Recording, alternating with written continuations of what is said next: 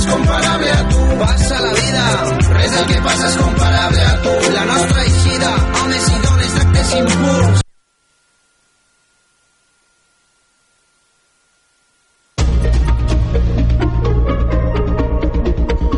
Notícies en xarxa. Bona tarda, són les 4. Us assassinat aquest dilluns al matí en un camí de Cambrils, ens ho explica el nostre company Gerard Amigó de Ràdio Cambrils. Un home ha mort de manera violenta aquest dilluns al matí en un camí entre Cambrils i Vinyols i els Arcs, segons han revelat els Mossos d'Esquadra. Els fets han succeït al voltant de dos quarts d'onze del matí quan el 112 ha rebut l'avís d'un atropellament en un camí rural entre Cambrils i Vinyols pertanyent al terme municipal de Cambrils. Fins al lloc dels fets s'hi han desplaçat patrulles dels Mossos d'Esquadra, policia local de Cambrils, bombers i el SEM. Han intentat intentat reanimar el pacient, però ja era massa tard. Els agents treballaven amb la hipòtesi que era un possible atropellament, però en realitat era un homicidi o assassinat. Els Mossos estan investigant els fets i un dels principals objectius és localitzar l'autor del crim. Seguirem aquesta informació. I parlem de protestes perquè aquest matí ja us ho dèiem, els treballadors de Danone s'han traslladat fins a Barcelona des de Parets del Vallès. Han fet una manifestació des de l'estació de Sants fins a les portes de la seu central de l'empresa al carrer Buenos Aires. La manifestació ha estat tensa. Els treballadors han llançat ous i iogurts a la façana de l'edifici i han enganxat adhesius amb missatges contraris al tancament. Jordi Barragán és el president del comitè d'empresa de Danone a Parets. L'escoltem. No estem d'acord perquè aquesta decisió no s'ha pres a Europa. O sigui, n'hi ha un comitè europeu que aquesta decisió allà no s'ha pres. Per això encara tenim indicis de que es pot, es, es pot tirar enrere aquesta decisió. I lluitarem, lluitarem fins al final. Un dia en què ha hagut més protestes, recordem que els pagesos i els ramaders continuen amb talls i mobilitzacions massives des de la setmana passada que van anar a Barcelona. Avui han fet talls de carretera i marxa lenta de tractors al Segrià i a l'Urgell, un tema que, com sempre ja sabeu, anirem seguint.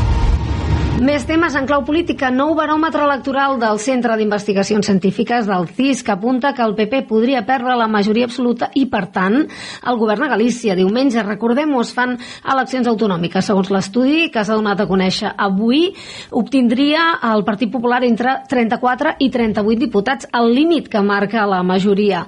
El BNG segueix a l'alça i el CIS li dona entre 24 i 31 diputats, mentre que el PSOE continua estancat i a la baixa i aconseguiria entre 9 i 14 diputats. Pel que fa a unes possibles eleccions espanyoles, el baròmetre del CIS del febrer dibuixa un empat tècnic entre el PP i el PSOE, eh, tots dos amb un 33% dels vots. Sumar es manté la tercera posició amb el 10% i Vox la quarta amb un 8%. És tot de moment, tornem amb més notícies amb xarxa. Notícies en xarxa.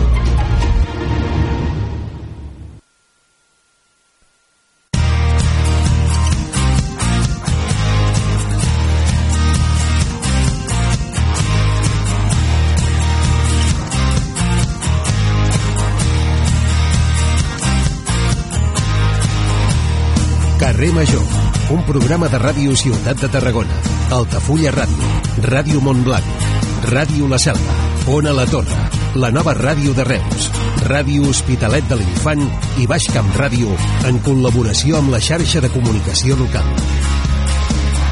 Hola a tothom, bona tarda, benvinguts. Això és Carrer Major, el programa de les emissores del Camp de Tarragona. I comencem la setmana pendents de les dues persones eh, ferides crítiques a Port Aventura, quan ahir la ventada va fer caure una branca sobre una de les vagonetes de l'atracció Tomahawk. Una dotzena més de persones van resultar ferides, però afortunadament hi han estat donades d'alta. Els Mossos d'Esquadra han obert una investigació per esclarir les circumstàncies d'aquest accident que s'ha produït coincidint amb la primera setmana o el primer cap de setmana d'obertura eh, d'aquesta temporada de Port Aventura, amb la temporada que ha de ser la més llarga i en la que s'obria més aviat, de fet, coincidint amb Carnaval. I ara que ja ha passat Carnaval, estem a punt d'encetar la Quaresma, els pagesos, si em permeteu el símil religiós, continuen el seu Via Crucis particular. Al llarg d'aquest cap de setmana i després de l'explosió de protestes que hi va haver ja el dia 6 de febrer, doncs hi ha continuat havent talls de carreteres i protestes més puntuals en diversos punts del país. També avui. I demà dimarts, Unió de Pagesos ha convocat protestes en dos punts estratègics en la comercialització dels productes alimentaris al país. Un és a Barcelona, Mercabarna, i l'altre el tenim aquí a casa nostra i és el Port de Tarragona. I avui, per començar el programa, eh, també ens volem fer el ressò d'una iniciativa del Departament de Salut per prevenir el suïcidi. Per visibilitzar-lo s'han posat vinils que simbolitzen un forat negre en 90 punts de Catalunya. La campanya interpel·la l'entorn perquè demanin ajuda al 061 i no deixin caure al pou algú amb conducta suïcida. Això és Carrer Major, som vuit emissores del Camp de Tarragona que cada tarda us acompanyem des de les 4 i fins les 6, aproximant-vos les notícies del territori, les persones interessants a casa nostra. L'equip del programa el formem Liri Rodríguez, l'Aleix Pérez, en David Fernández, la Cristina Artacho, l'Adrià Requesens, en Jonai González, l'Eduard Virgili, l'Antoni Mellados, Antoni Mateos, jo mateixa que sóc l'Anna Plaça i us acompanyo la primera hora, i el Iago Moreno, que ho domina tot amb els botons del control tècnic. Benvinguts.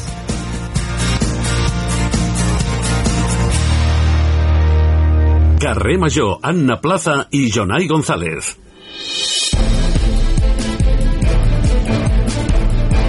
Quatre i sis minuts de la tarda i ara és el moment de fer el repàs de titulars de les notícies que després ampliarem en l'apartat eh, d'informatiu d'aquesta primera hora del programa.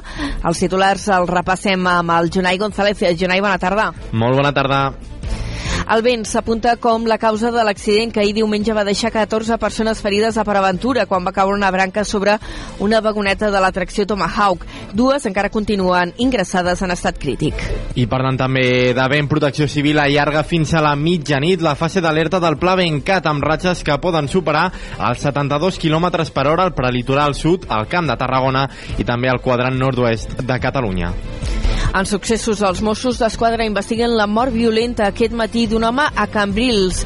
Els primers indicin, indicis apuntarien a un atropellament intencionat. I en d'altres successos també l'Audiència de Tarragona ha condemnat a dos anys i un mes de presó per colpejar i llançar insults homòfobs a dos homes a Tarragona. L'Agència Catalana de l'Aigua manté contactes amb el Port de Tarragona per si també fos necessari traslladar aigua de l'Ebre amb vaixell a Barcelona. També s'està estudiant quines inversions serien necessàries per fer-ho possible, tot i que asseguren que es tractaria d'una solució excepcional. Unió de Pagesos convoca la pagesia demà a participar en tracturades i concentracions al Port de Tarragona i també en d'altres punts de Catalunya. Les reivindicacions d'aquesta setmana d'Unió de Pagesos se centren en la competència deslleial dels productes i la defensa del model europeu en frontera. I en clau local, Aigües de Reus preveu una inversió de 5 milions d'euros aquest 2024. La major part d'aquest pressupost es destinarà a intervencions per fer front a la sequera. I a Tarragona han acabat ja les obres d'adequació del camp de rugbi de l'anella mediterrània que de fet han entrat en funcionament avui dilluns. El fet de tenir unes instal·lacions en condicions era un reclam històric del Club de Rugbi Tarragona des de la seva fundació al 1986. I en esports eh, farem balanç de com ha anat el cap de setmana pels eh, equips de casa nostra. D'una banda, el Nàstic ha vençut el Reial Unión per dos a uns i s'ha situat com a líder en solitari. Els tarragonins aprofiten l'empat a la Pontferradina per assaltar la primera posició. I en bàsquet, a l'Alep Plata, una victòria de prestigi pel Club Bàsquet Salou davant el Benicarló i una derrota esperable contra el líder pel Club Bàsquet Tarragona. Moltes gràcies, Jonai. D'aquí una estona ho repassem tot molt més detalladament. Fins, Fins ara. després. Adéu.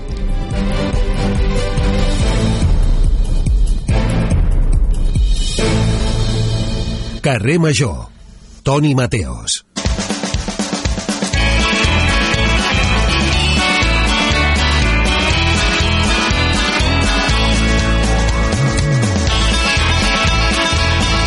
Mateos, Plaça, bon dia. què, oh, què te passa?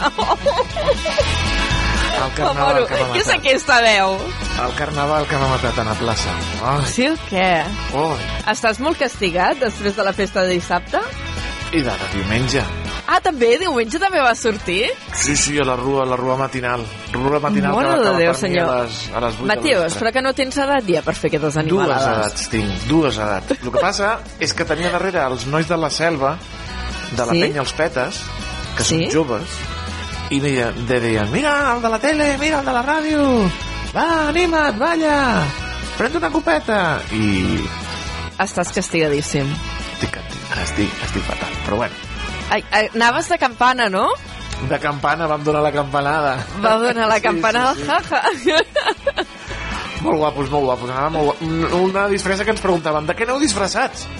Ah, sí, ah, sí, era evi- evidentíssim, eh? Vull dir, us va bueno, això vol... eh, una campana sui generis, una mica, una mica eh, divertida la campana, però molt, molt, molt, molt divertida.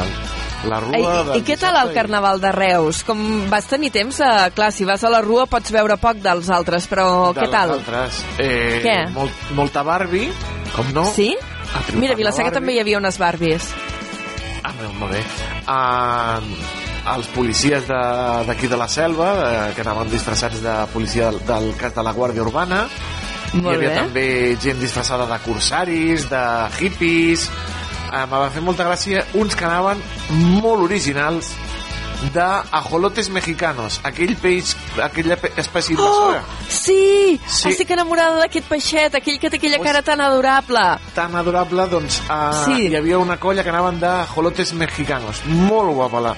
A veure si et aconsegueixo una Home, però això és molt elaborat, no? Molt elaborat, molt elaborat. Anaven així amb, amb una caputxa i, uh, i aquí les, al, al, al seu cos portaven les, les, les manetes d'aquest peix tan adorable.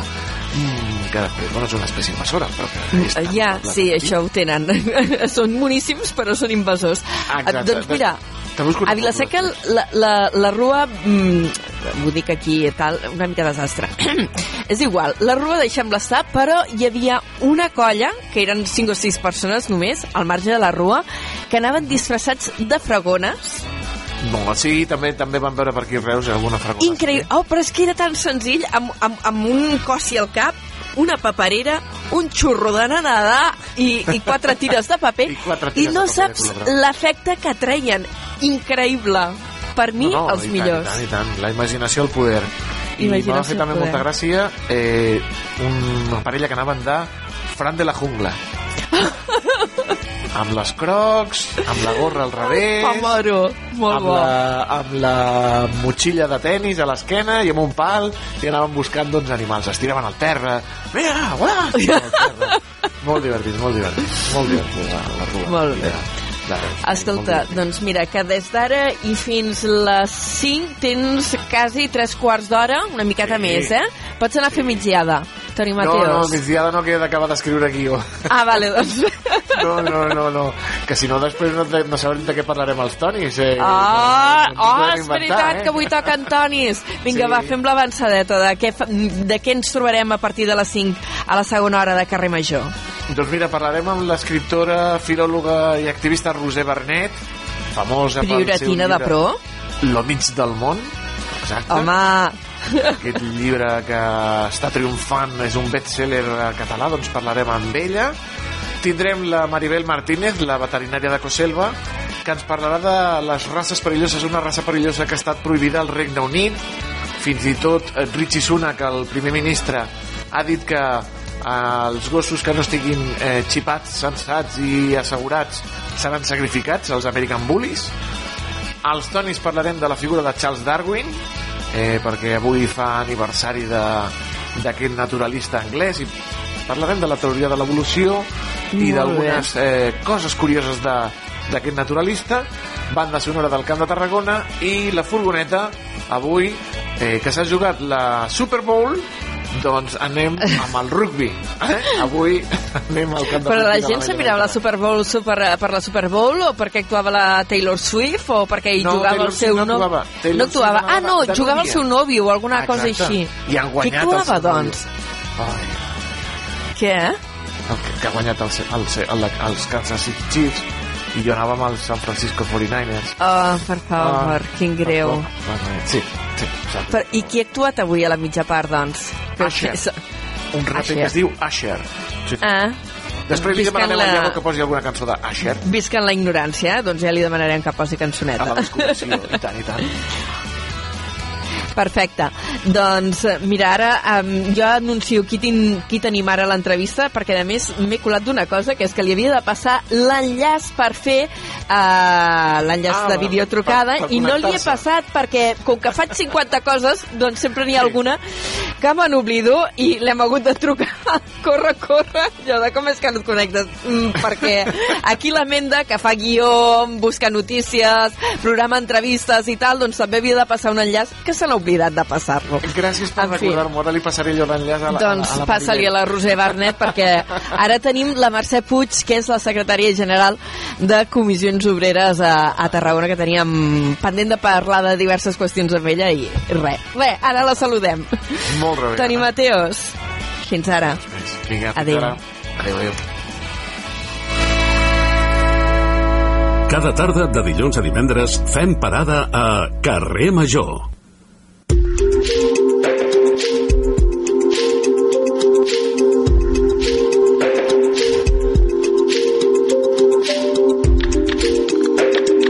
Comentàvem amb el, amb el Toni, avui la nostra convidada a la primera hora del programa és la Mercè Puig, ella és la secretària general de Comissions Obreres al Camp de Tarragona i la truquem a per telèfon, perquè m'he oblidat de passar-li l'enllaç de videotrucada així de clar. Uh, senyora Puig, bona tarda i disculpi.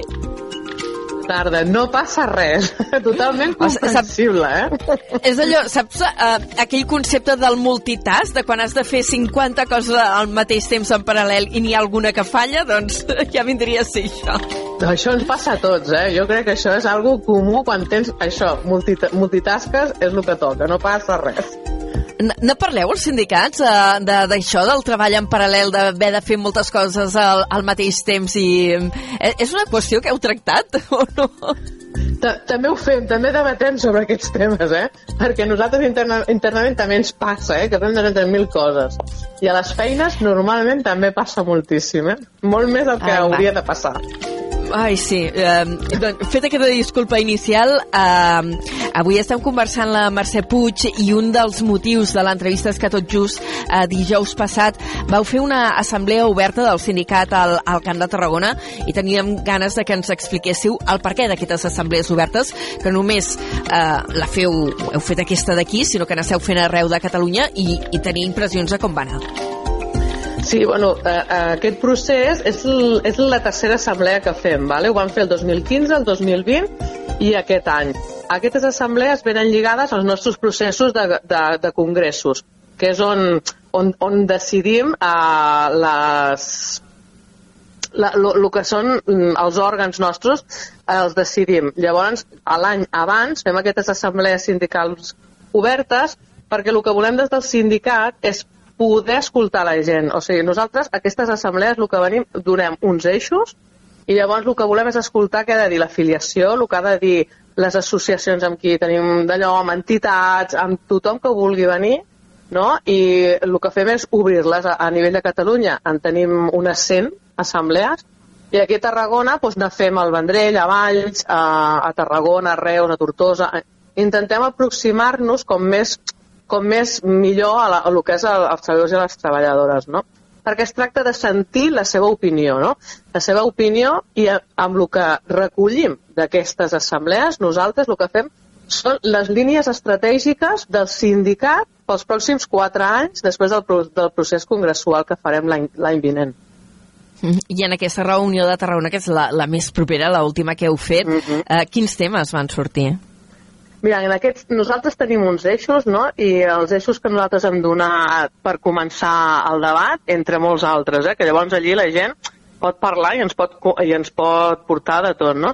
Però han parlat de joves, no? Perquè pensem que és el primer eix que han posat com a número 1, perquè jo penso que és una cosa que és evident eh, que parlem de joves, perquè és molt important, eh, perquè els joves no es poden emancipar, no poden accedir a un habitatge, no tenen treballs estables ni ben remunerats, no? Tenim a la gent jove que ens costa que s'acostin als sindicats, no? I estem buscant el per què, quin és el motiu, eh, com fer-ho, no?, d'aproximar-nos. Eh, un, altre, un altre eix, però no pot ser un altre, és el treball, el món del treball, no?, parlar de salaris, de negociació col·lectiva. Llavors, un altre és els drets de la ciutadania, tot el tema que té a veure amb, amb, amb drets socials. Parlem de migració, eh, parlem una miqueta, eh, són eixos que són molt oberts, no? però que nosaltres després eh, es fa tota una recollida no? I, i és molt, molt interessant fer aquestes assemblees on, on escoltes no? I, i et dones compte no? de que al final eh, tots tenim uns com uns objectius no? que són els mateixos però que nosaltres com a sindicat hem d'intentar no, posar-los a, a dins a les negociacions, tant al diàleg social com a la, a la concertació. No? Uh -huh. uh, parlant de diàleg social, uh, la setmana passada el govern espanyol uh, aprovava uh, l'augment del salari mínim interprofessional uh, que s'ha elevat uh, fins als 1.134 euros, s'ha superat ja aquell llindar uh, que veníem molt de temps arrossegant de, a veure quan s'hi arribarà als 1.000 euros com a mínim uh, i destacaven des del govern espanyol que en 5 anys s'ha incrementat el salari mínim interprofessional un 54%. Uh, valoració des de Comissions Obreres. Nosaltres ho veurem molt positivament. Nosaltres, eh, des del primer dia, vam dir que eh, hi havia una necessitat imperiosa d'augmentar el salari mínim. Mira, hem de pensar una cosa, que hem augmentat el salari mínim interprofessional, però la gent, amb, amb la inflació que hem tingut, la gent és com si s'hagués quedat igual al final. Saps el que et vull dir? Clar, això, imagina't si no haguéssim aconseguit aquesta, eh, aquest augment del salari mínim, no? Quan la patronal es posa tant a la defensiva, nosaltres no ho entenem, perquè no ens diuen que hi haurà me menys, menys llocs de treball, hi haurà menys ocupació, que, no podran, que no, les grans empreses no podran invertir, i ha sigut tot el contrari al final. Està vist que després de la reforma laboral que també van firmar de la contractació més el salari mínim, ha ajudat a que l'ocupació s'estabilitzi, que n'hi hagi més, i ha, i ha ajudat a que la gent que tenen, tenien uns salaris molt, molt baixos, els hagin pogut augmentar una mica per aguantar el cop que han tingut amb tot el tema de la inflació. Um, és que ara estava pensant que a principis de temporada, bueno, ara tornant de les festes de Nadal, uh, vam tenir també aquí el programa el president de la CEPTA, de la patronal tarragonina, i ell deia que amb aquests increments salarials no els hi surten els números, són els seus arguments. Nosaltres amb això sempre hem dit que no estem d'acord. No estem d'acord perquè és que, a més, eh, s'ha vist que totes les grans empreses, després de la pandèmia cap aquí, a passar d'una vegada la pandèmia, han tingut uns beneficis perquè tota aquesta pujada que hi ha hagut, ells després d'aquesta pujada l'han fet al seu producte final. Però els treballadors no han vist ni un cèntim d'aquestes pujades. Si no fos per la negociació col·lectiva als convenis o pel salari mínim, els treballadors no haguessin vist un cèntim. Clar, això, això, això, no, això, no, això no pot ser possible. Jo entenc que ells diguin, és que jo abans la guanyava 300 i ara no guanyo 200. Ja, ja, jo ja ho entenc. Però, escolti, és que la gent eh, cada vegada està més empobrida a casa nostra. Hi ha més pobresa a Catalunya i això està demostrat. Escolti'm, vostès també han de treballar en la línia de que, ostres, abans ne guanyava 300, ara ne guanyava 200, però ells ens diuen nosaltres que tenen pèrdues, i això no és veritat tampoc. Home, de fet, ara fa uns dies sortien les dades de beneficis d'entitats de, bancàries com el BBA mm. o, o CaixaBank i fins i tot ne vam fer una miqueta de conya eh, internos amb els companys del programa, allò de, ostres, no sé jo, després venen i ploren, no? Sí, clar, això és el que diem nosaltres, no? El que no pot ser és que es queixin contínuament, però, no, però és el que dic jo, dic, és que ells no tenen pèrdues, que han deixat de guanyar els mateixos beneficis que tenien fa 10 anys? Bueno, potser sí, però és que, escolti, les coses estan canviant per tothom. Vostè ha deixat de guanyar 50, però escolti, però segueix guanyant 200. Escolti, m'entén? Mm, i, i, i, quin, I què reparteix vostè als seus treballadors d'aquests beneficis, no? Quin percentatge en reparteix realment? No? Clar, això no pot ser. S'ha de fer un altre canvi, no? I això és una de les línies que s'està treballant també des de comissió, no? que sempre diem que s'ha de repartir la riquesa. El que no pot ser és que la riquesa es quedi amb quatre i no sigui repartida per tothom, perquè al final, si tu reparteixes els diners, ja, la gent pot sortir a, a, a, a, als museus, pot sortir a fer cultura, pot sortir a fer coses. Però si aquesta gent no tenen diners per poder pagar la hipoteca, les factures, el teu dia a dia, com han de sortir? A gaudir del temps lliure o, del, o de la cultura o de qualsevol cosa. Això no pot ser de cap manera. Uh, senyora Puig, a banda d'haver-se aprovat ara fa molt pocs dies, de fet la setmana passada, aquest increment del salari mínim interprofessional, uh, el govern espanyol també ha emprès un procés de negociació per anar reduint uh, la jornada laboral. Des de Comissions Obreres, com creieu que hauria de quedar uh, aquesta jornada laboral? Bueno, nosaltres aquí a Catalunya tenim una cosa que és diferent, que és que aquí a Catalunya quasi, quasi que tenim el 90% dels convenis que ja els tenim sobre les 37 hores i mitja. Nosaltres aquí a Catalunya ja estàvem demanant ja fa temps que nosaltres eh, hauríem d'anar treballant les 35 hores i anar cap a les 32, perquè realment a les negociacions col·lectives que hem aconseguit fer, no?, eh, hem aconseguit arribar a aquestes 37 hores i mitja, no? que això és, és beneficiós, i llavors el que volem aquí a Catalunya és anar treballant cap a aquestes 35 hores, perquè realment aquestes, aquestes, uh, aquestes hores que treballem de menys, que a més, que és una altra cosa que no entenem, que, que també està la patronal que no està d'acord amb, amb fer aquesta reducció perquè diu que també va en detriment dels seus beneficis, no? que aquí... Oh, suposo no, que el no seu argument és si treballen menys hores hauré de contractar més gent, no em surten els números. Dic jo, Clar, eh? sí, sí, sí, sí, és que sempre, sempre tenen aquesta argumentació. Sempre ho veuen tot en negatiu i diuen que això produirà que hi hagi eh, menys ocupació d'estabilitat, que hi hagi menys... I nosaltres els diríem que sempre estan veient tota la part negativa de tot. També ho deien quan van fer quan, va, quan van fer tota la reforma contractual, amb la reforma laboral, bueno, van posar el crit al cel, perquè, clar, això de ser l'agent fixe discontinu, de desaparèixer el contracte d'obra i servei, que tot això els empitjoraria. I ha sigut tot el contrari, eh? Ha millorat l'ocupació, i nosaltres creiem que ara també. Tenim plantilles que són amb unes edats molt elevades. Tenim gent amb atur de llarga durada de més de 40 anys. Eh? O sigui, que nosaltres pensem que tot això pot donar estabilitat i ocupació a moltíssima gent que ara mateix no la té. Mm. Ara parlava de, de dades de l'atur, ho ha dit així de passada, no?, amb l'estabilització, amb aquests nous contractes, eh, el, donar més predomini al, als contractes indefinits, eh, però hem vist que l'any mm, veníem d'una evolució relativament positiva després de tot el que havia sigut la crisi de la Covid, de, de recuperació de les taxes d'ocupació, però hem vist que el 2023 s'ha tancat amb un increment d'atur a la demarcació de, de Tarragona. Quina lectura en feu des de, des de Comissions Obreres? Bueno, nosaltres sempre hem dit que, que ens preocupa moltíssim l'atur que tenim a, a, la, a les nostres comarques, perquè realment nosaltres tenim un sector que depenem moltíssim, que és tot el sector de, de serveis, no? I que una vegada hem estabilitzat les plantilles, doncs això fa com una frenada, no?, realment. I llavors el que ens preocupa és que no veiem nous projectes, perquè una vegada s'ha estabilitzat el que és tot el tema del sector serveis, clar, si no hi ha nous projectes industrials, si no creiem no, nous projectes que portin més ocupació al territori, difícilment podrem seguir augmentant amb ocupació i reduint eh, la gent que tenim a l'atur. Clar, això serà molt complicat tindre aquesta regla de 3, eh?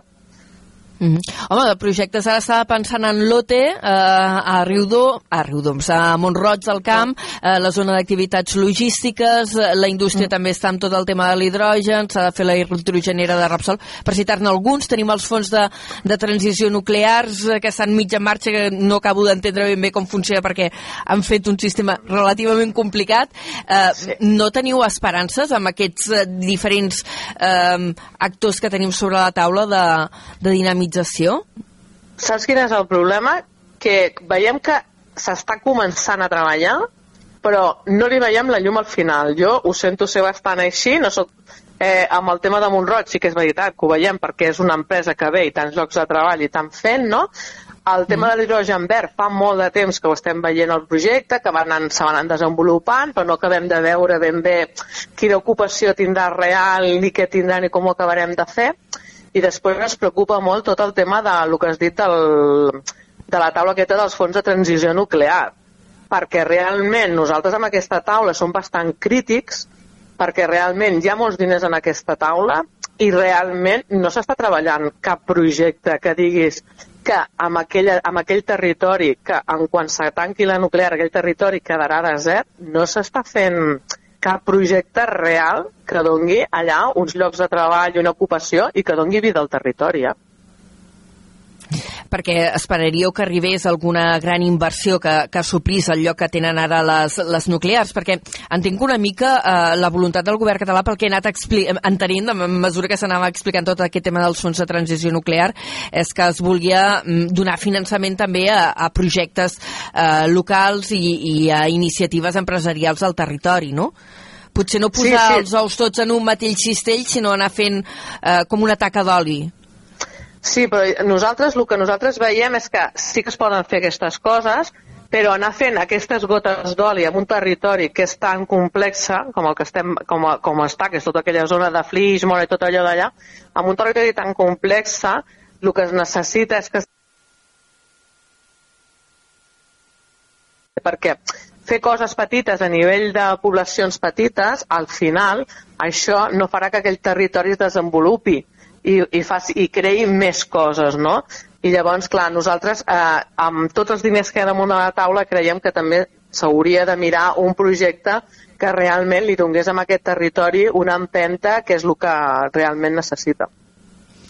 En aquesta assemblea que, que, que hem començat una mica l'entrevista parlant d'això, eh? i ara que ja encarem la recta final, hi havia l'assemblea oberta de Tarragona que vau fer la setmana passada, un dels temes que vau tractar també és la mobilitat, i recollo unes declaracions que vau fer, en aquest cas a ATAC 12, en què parlàveu del tramcamp, el tramvia que s'ha d'implantar, que també és un projecte d'aquests, uh, uh, el temps que fa que en parlem, que dieu, bueno, això tampoc serà la panacea.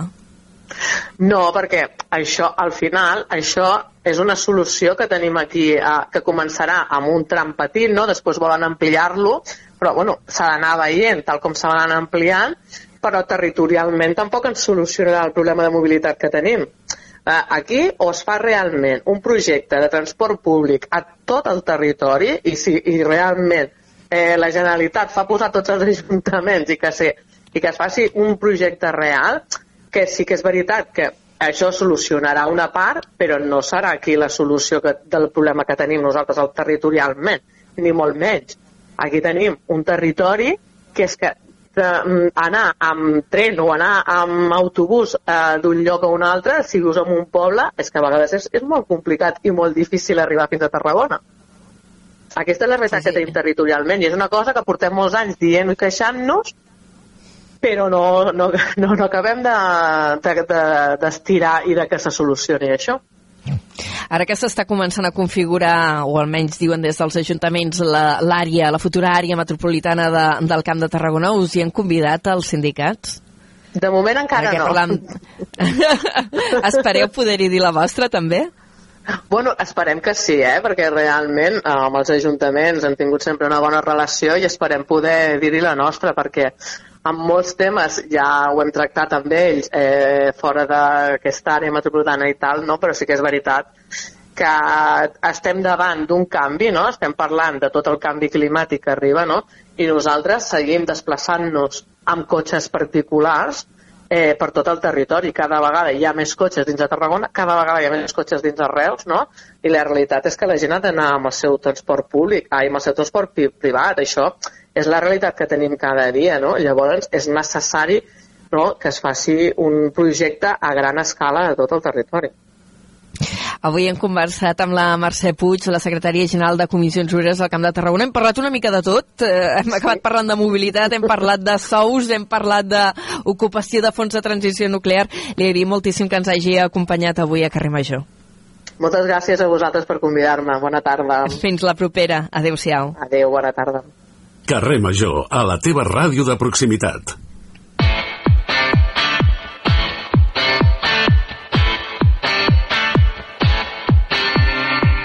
Doncs encetem ara la secció que dediquem cada dilluns a repassar resultats esportius. Ho fem amb el Carles Cortés, del programa Com ho veus, del programa de Dorsal 12, de tantes altres coses que fa en Carles per aquests mons de Déu. Escolta'm, eh, el diari de Tarragona em deia, em sembla que titulava que el Nàstic s'ha disfressat de lideratge aquest cap de setmana. Efectivament, sí, sí, gràcies a la victòria una més aquesta temporada, hem de dir una més, perquè ara porta una ratxa de 8 partits sense perdre, 7 victòries i un empat consecutius.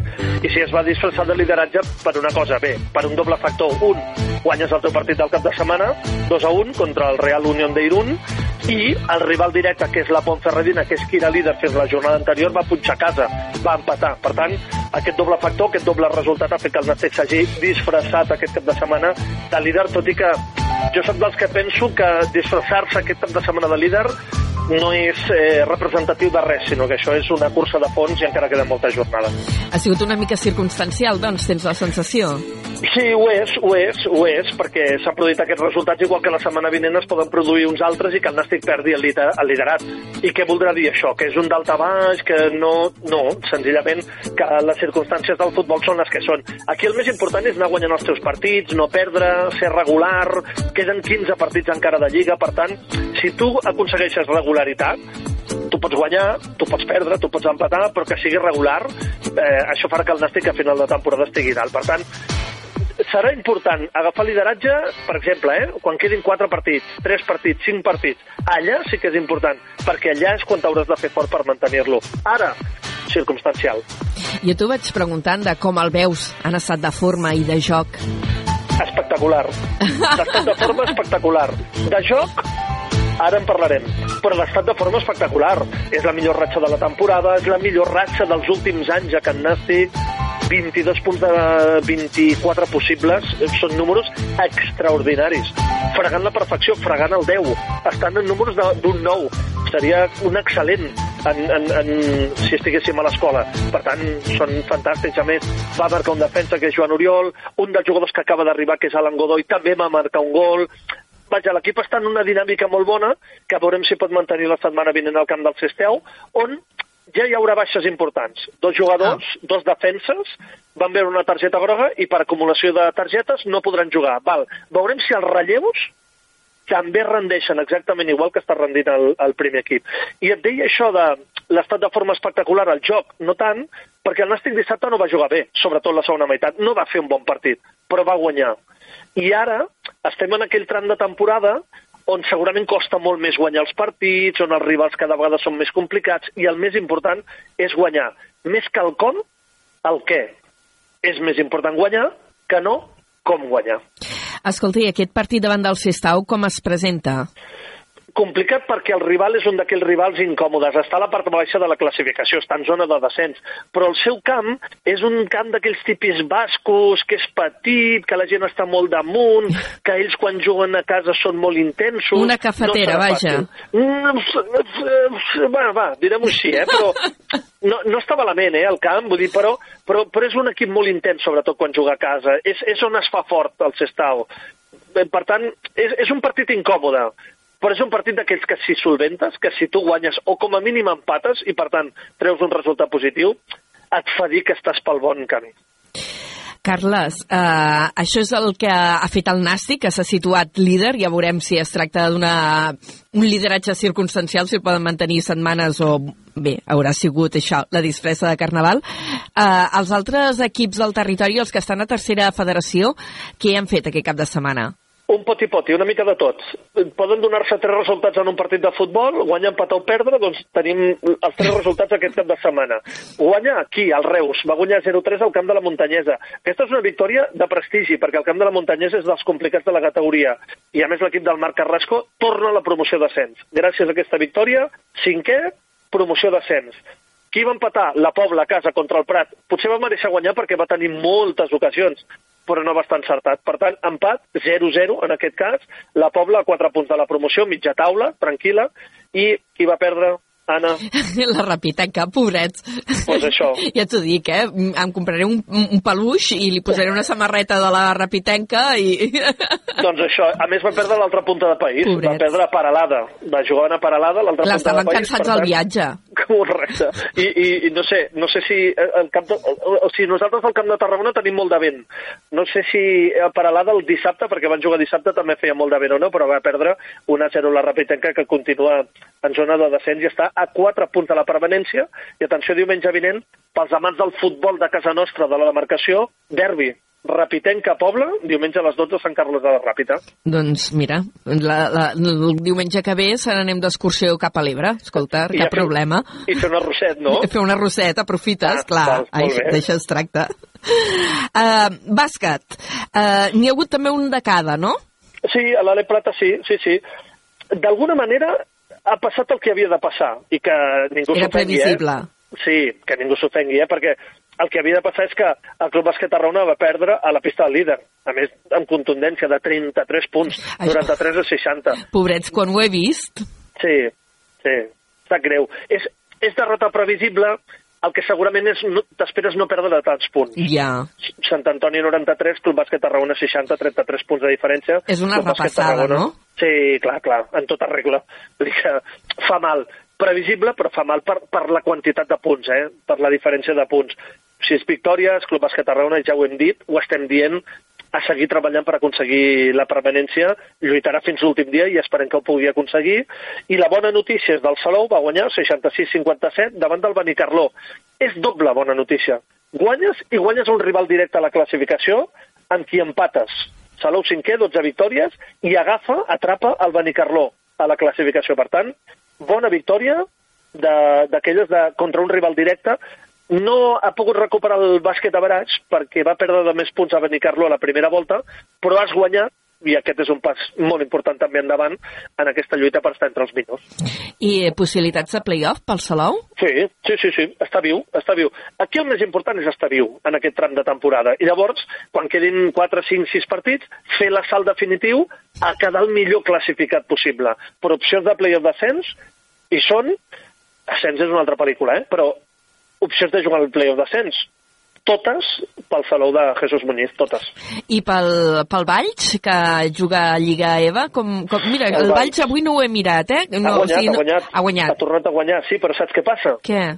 Que han tornat a guanyar els dos primers. Ah, sí, era allò que anaven tan empatats, clar, oi? Clar, és que el Valls de Víctor Naila està fent una temporada sensacional. 14 victòries, només 4 derrotes. 14-4 en 18 jornades. Aquesta última contra el filial de la Penya, del Joventut de Badalona. 77-69. Però clar, és que la Bisbal d'Empordà torna a guanyar, és que el Mollet torna a guanyar. Bisbal 17 victòries, una derrota, Mollet 16-2. És, anar, és, és, és remar, remar, remar, remar el Valls, no defallir, i esperar, com dèiem la setmana passada, els resultats directes per intentar atrapar-los. Però fa una gran temporada, però és que els rivals estan d'una manera esplèndida. I posar palmetes a la Mare de Déu de la Candela, eh? Potser també. Per exemple, per exemple, sí, sí, sí. Insisteixo, eh? És que no, no hi ha res a retreure, eh, al Valls, res. Eh, L'únic és dir, escolta'm, i si els altres punxen algun partit? Esperar, no queda un altre. Anem a parlar d'hoquei. Carles, sí. uh, teníem un derbi a la Champions i després hi ha hagut la Lliga regular aquest cap de setmana en què el Calafell ha guanyat, el Reus ha empatat. Correcte, el, der el derbi ràpidament, eh? La Champions va guanyar el Reus 5 a 4 al Calafell i això va fer que eh, el Reus no tenia res a fer ja en el que queda de jornada, només queda una jornada de Champions, però va guanyar allò de l'orgull i ara el Calafell té una combinació bastant complicada per intentar entrar entre els dos primers. Podria ser, però depèn del resultat també de l'Sporting Club de Portugal, això ho parlarem la setmana vinent, perquè la Champions no torna fins la setmana vinent. Eh, Us faré un, un, un, unes aproximacions numèriques del que hauria de fer el Calafell per passar. Val. Però depèn del, del gol a veraix. Has de, has, has, de, has de fer càlculs, vaja, no és tan senzill. I sóc de lletres pures. Vull dir que necessito, necessito temps. Ah. Jo necessito temps. Podríem dir que no depèn d'ell. Eh, no, clar, clar, no depèn d'ell. No, no, no. És, és més, depèn del Reus. Ja. Ostres, O sigui, el Reus hauria de guanyar l'Sporting de Portugal. Sí, mare sí. de Déu. Ho explicaré la setmana... O sigui, el Calafell ha de guanyar el seu partit i que el Reus guanyi a la pista de l'Sporting de Portugal. I a més, estudiat bé amb una l'estratègia? combinació de Digues, resultats. digues. Ah, a val. més, amb una combinació de resultats. Eh, faig números i la setmana Tu, tu, vinent cal, ara intento tu calcula, tu fes números de gols i coses i la setmana que ve a veure si ens en sortim. Escolta, Correcte. i pel que fa a la Lliga hem dit això, Sí. no? Que la Fella ha guanyat, Reus ha empatat. Què Correcte, suposen la- aquests resultats? Bona victòria al Calafell, 4-1 davant del Girona, tercer Calafell, tercer 31 punts a 3 del Noia, a només 3 del segon classificat. Per què? Perquè el Reus va aconseguir un meritori empat a la pista del Noia, 4-4, i Molt bé. La classificació a la part alta. Barça, allò, allò del Barça ja no ho comento, eh? Sí, ja, perquè van, ja vas dir que Fora de- anaven disparats fora de- per davant sí, i sí. res a fer. Res, res. Segon Noia, 34, tercer Calafell, 31, Voltregà i Liceo, 29, Igualada i Reus, 26. Està ajustadet i veurem què passa la pròxima jornada, perquè hi ha un Reus Igualada, duel directe, i el Calafell visita la pista del Barça. A veure si pot esgarrapar i dona la sorpresa al Calafell a la pista del Barça. Això jugarà dissabte, a veure si pot aconseguir el Calafell. I, i deixa'm també dir un apunt d'hoquei ràpidament, en Digues. parlarem quan arribi, eh? Però es va sortejar quarts de Copa, o sigui, s'ha sortejat la fase final de la Copa, Sí? i, i no han tingut sort, eh? Ni el Reus ni el Calafell, eh? Perquè els hi han tocat uh, líder... Ai, ah, vale.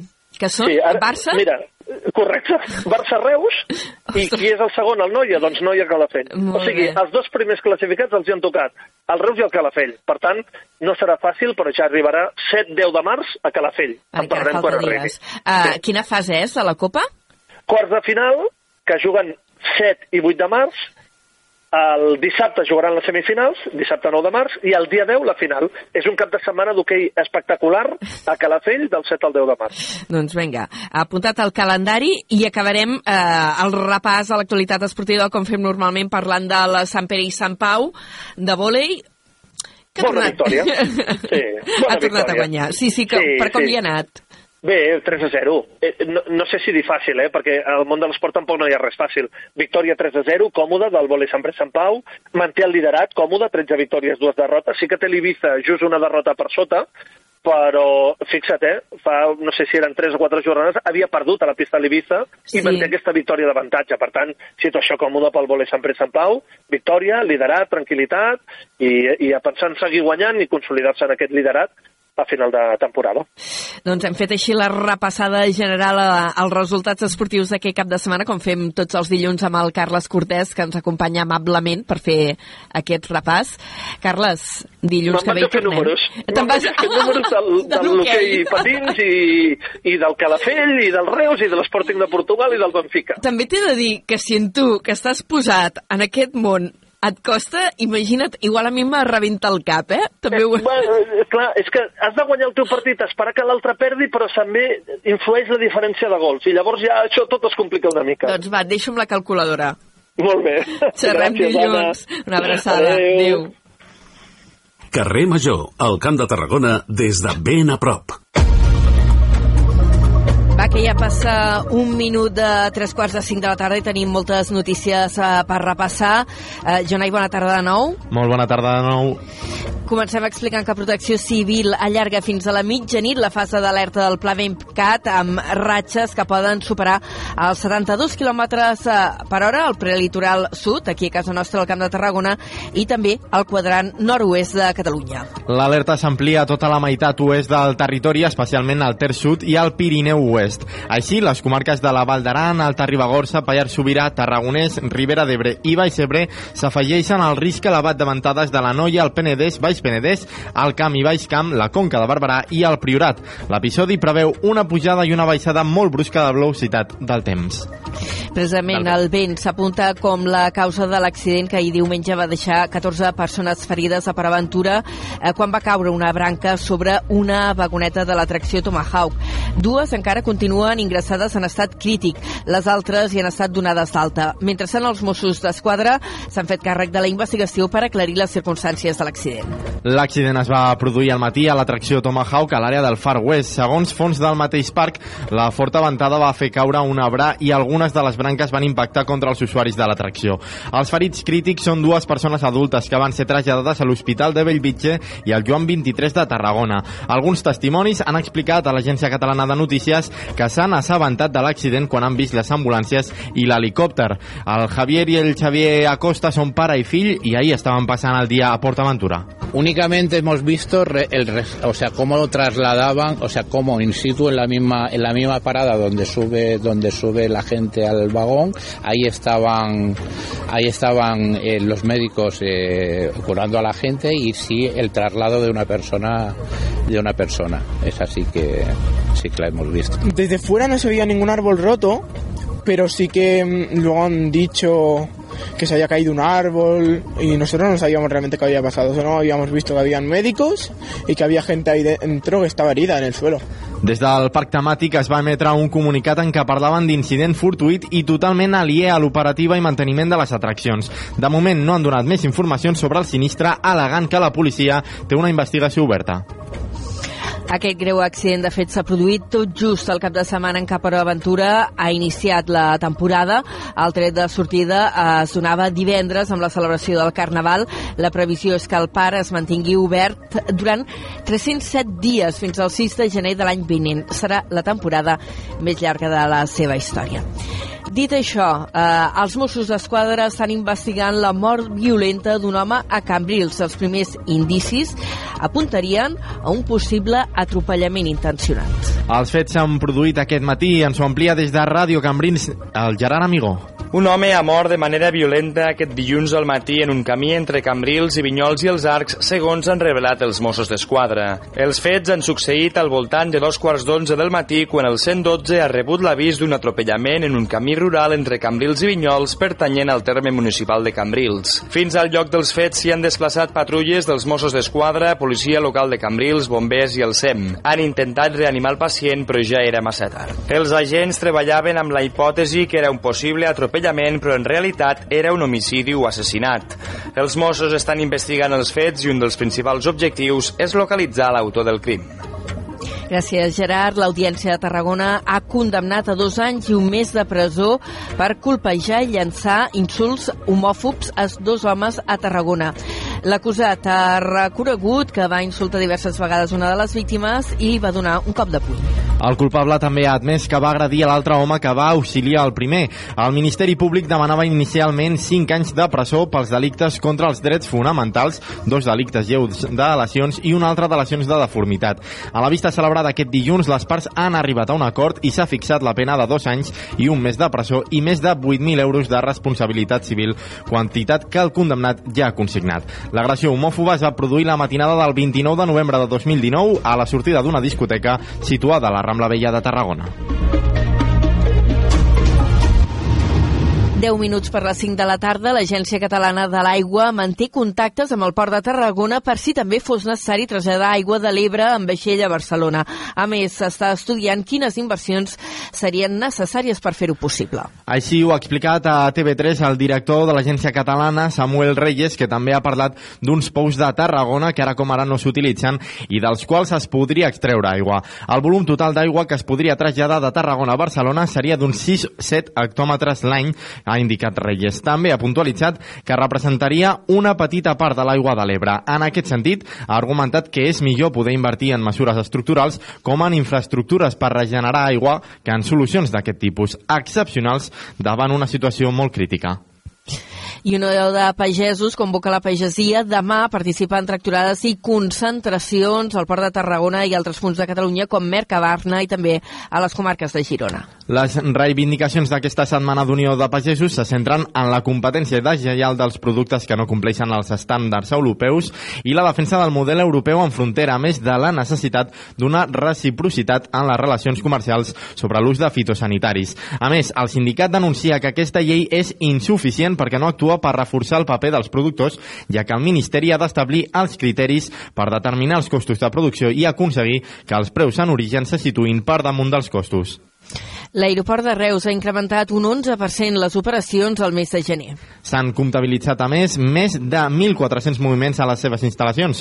Ens ho amplia des de la nova ràdio de Reus, la Laura Navarro.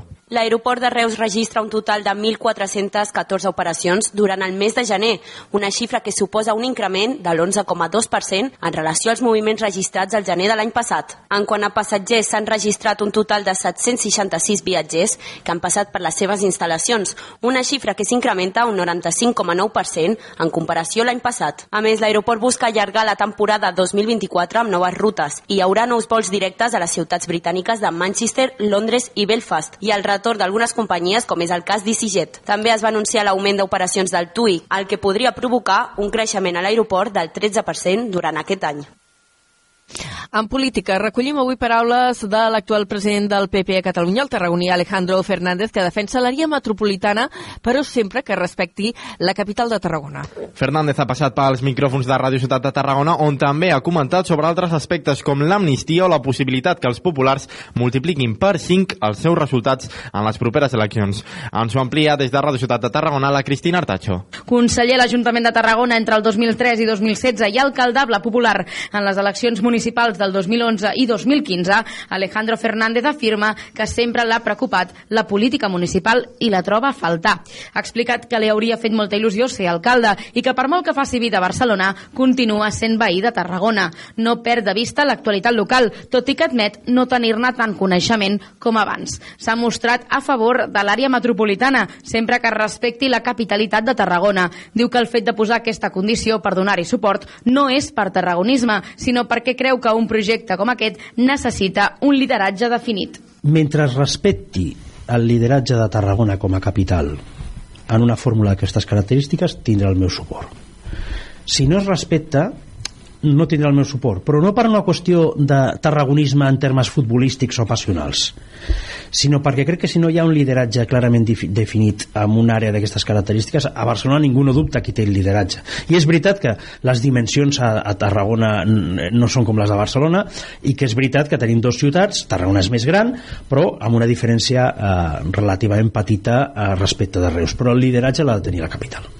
En clau nacional, Alejandro Fernández ha fet referència a l'amnistia. Seguint la línia del seu partit, s'hi mostra contrari. Argumenta que és mentida que es faci buscant la reconciliació i la convivència. Parlem ara d'inversions, de les que preveu fer enguany Aigües de Reus amb un volum econòmic de 5 milions d'euros. La major part d'aquest pressupost es destinarà a intervencions per fer front a la sequera. Des de la nova ràdio de Reus ens ho explica la Laura Navarro. Intervencions com l'entrada en servei de pous en desús, la diversificació de fons de proveïment, una major reutilització d'aigua no potable i la desnitrificació d'alguns pous. Una altra part important de la inversió es destina al manteniment de la xarxa d'abastiment i al sanejament de la ciutat, a més de la renovació de la xarxa de comptadors, que es canviaran per comptadors intel·ligents que permeten una lectura a distància. El pressupost també inclou actuacions en la transició energètica i l'impuls de les energies renovables amb la millora de la bassa nova, de la boca de la mina i continuen amb la renovació de la flota de vehicles elèctrics. El pla d'emergència en situació de sequera inclou diverses fases i preveu mesures que afecten el regadiu de jardins, l'ompliment de piscines i, en cas d'extrema sequera, prioritza el subministrament d'aigua pel consum humà. I en Crònica Municipal de Tarragona, eh, dos apunts. Una banda Esquerra Republicana reclama que s'eliminin les noves places d'aparcament de pagament. Considera que la implantació de noves zones verdes només té una finalitat recaptatòria. Els republicans presentaran aquesta moció al ple de divendres juntament amb altres dues. I han acabat ja les obres d'adequació del camp de rugbi de l'anella mediterrània de Mediterrània que entra en funcionament avui dilluns. El fet de tenir unes instal·lacions en condicions serà un reclam històric del Club de Rugbi Tarragona des de la seva fundació el 1986. I si encara us heu quedat amb ganes de carnaval, demà comencen les vetlles mortuòries. En el cas de Tarragona, la mascarada del dol sortirà al matí, però encara avui, a les 8 del vespre, i en canvi de Llorca al Metropol, hi haurà el judici del rei Carnestoltes, això a Tarragona, i també a dos quarts de deu al Teatre Tarragona, el 18è concurs Tarragona Drac. Dit això, tanquem la primera hora.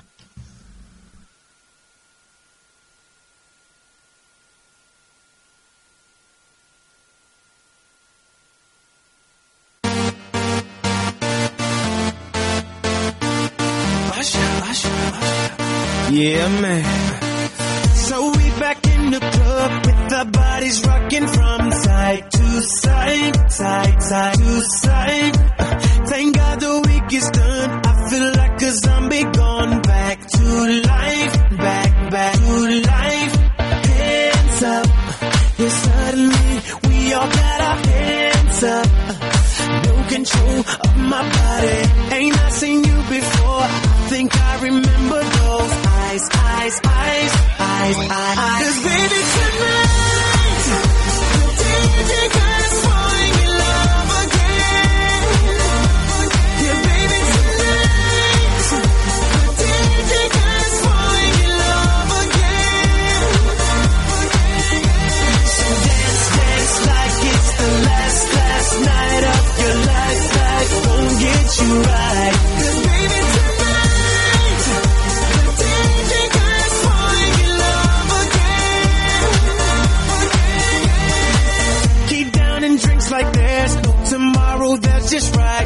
now, now, now, now, now, now, now. Gonna set the roof on fire, gonna burn this motherfucker down, down, down, down, down, down, down. Hands up when the music drops, we both put our hands up.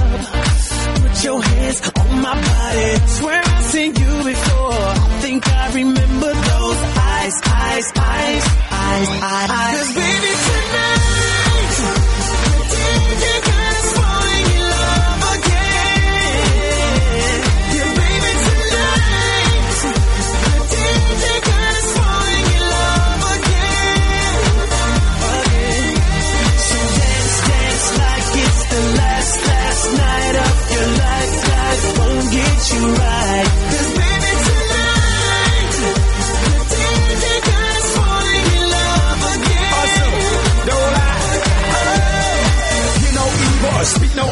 See no evil. Get it, baby. Hope you catch it like T.O. That's how we roll. My life is a movie and you just TiVo.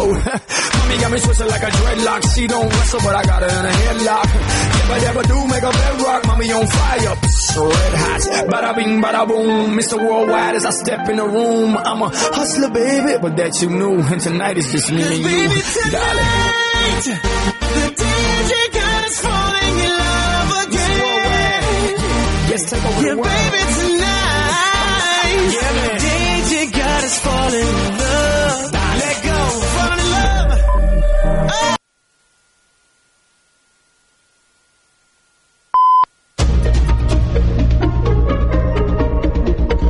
Notícies en xarxa.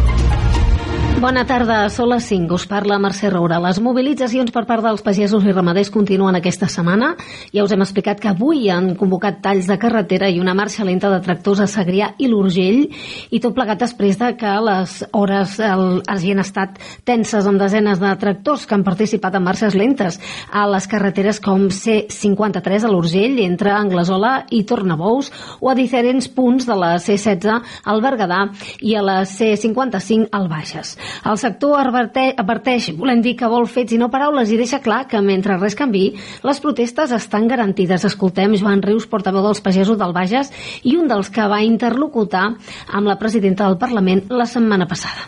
He fet declaracions, però com em dic que tot són paraules, això, jo no, no me'ls crec massa, vull dir que hem de seguir fins que tinguem algo realment sòlid. Nosaltres els hi vam demanar el 0% en quant a la ramaderia, ja que és una cosa essencial, no hi ha menjar sense aigua, no hi ha menjar sense ramaderia, i l'agricultura ens costarà una mica més de gestionar perquè poder no és tan prescindible com els animals, però igualment eh, els arbres fruiters, Les mobilitzacions continuaran demà. Hi ha previstes accions a la Junquera, Mercabarna i al Port de Tarragona. Anem a la plana política. Llau de crítiques avui al líder del PP, Alberto Núñez Feijó, per les seves declaracions sobre els indults. Els socialistes han posat el crit al cel i demanen explicacions, igual que els republicans. Des de Junts no tenen res a dir, això diuen, sobre les seves trobades amb el PP. Així s'ha pronunciat avui dilluns el portaveu del partit, Josep Rius, després d'aquest gir d'Alberto Núñez Feijó, obrint-se, recordem, els indults condicionats a l'expresident Carles Puigdemont. La portaveu d'Esquerra, Raquel Sanz, ha demanat transparència sobre les converses i negociacions aquest estiu entre el PP i Junts i la vicepresidenta primera del govern, María Jesús Montero, ha parlat avui del fet que Alberto Núñez Feijó assimili independentisme a terrorisme. ¿Por qué habla el señor Feijóo de terrorismo en los platos de televisión si ni él se cree lo que dice? No creo que tenga que hacer mucho hincapié porque esto es algo inaudito Per la seva banda, fa una estona la portaveu del govern Pilar Alegria ha afirmat que aquest dilluns les revelacions del líder del PP, Alberto Núñez Feijó, es deuen a que el PP ara parla mm, perquè té por que Junts expliqui alguna cosa. I un darrer apunt, els Mossos d'Esquadra investiguen la mort violenta d'un home a Cambril, recordem que us ho hem dit, ha passat aquest matí a primera hora, han trobat la víctima al terra, han fet maniobres de reanimació, però ha estat impossible salvar-lo. Notícies en xarxa.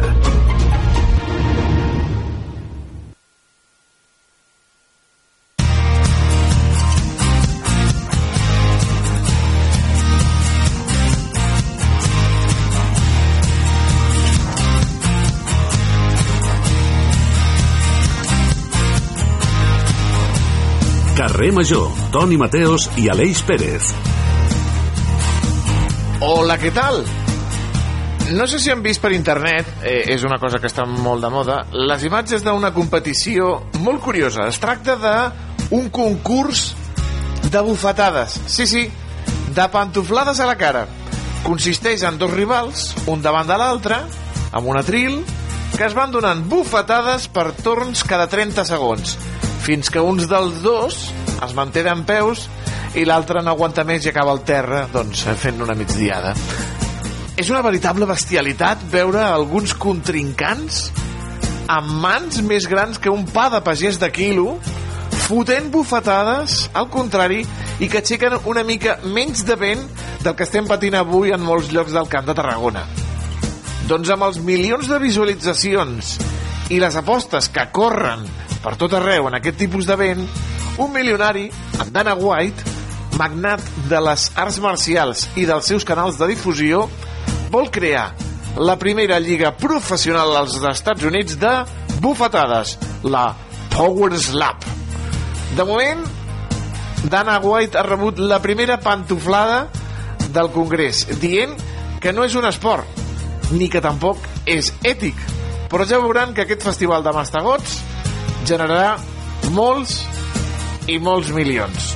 I després s'interessaran els polítics. Aleix Pérez, bona tarda. A qui t'agradaria plantar-li una bona bufetada d'aquelles? Ai, bona tarda, Toni Mateos. Doncs bé, jo tinc més que a una persona concreta, a un col·lectiu que són aquelles persones que s'estan com 3 hores parlant amb, una, amb el recepcionista o amb el venedor o una cosa així i veuen que hi ha cua, hi ha cua, hi ha cua i la cua es va fent llarga, es va fent llarga, es va fent llarga i aquella persona segueix amb la mateixa demanda sisplau, deixi-ho estar deixi-ho estar a aquella gent li fumaria una bona bufetada la veritat. Ah, doncs mira, d'aquelles persones que pregunten tot a, a, a recepció.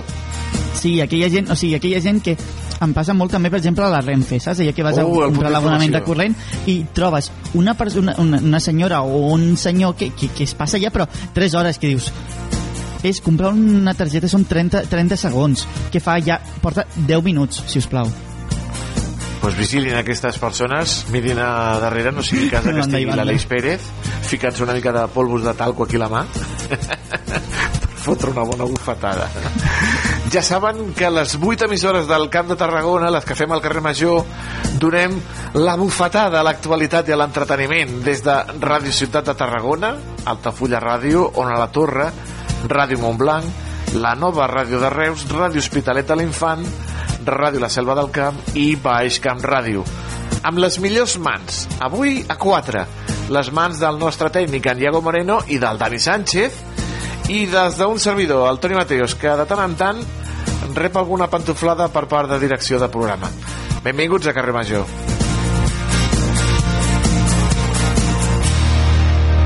Tot el que passa al Camp de Tarragona t'ho expliquem a Carrer Major.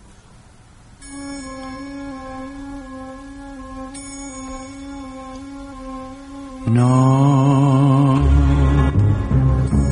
stanotte amore non ho più pensato a te. Ho aperto gli occhi per guardare intorno a me. E intorno a me girava il mondo come sempre.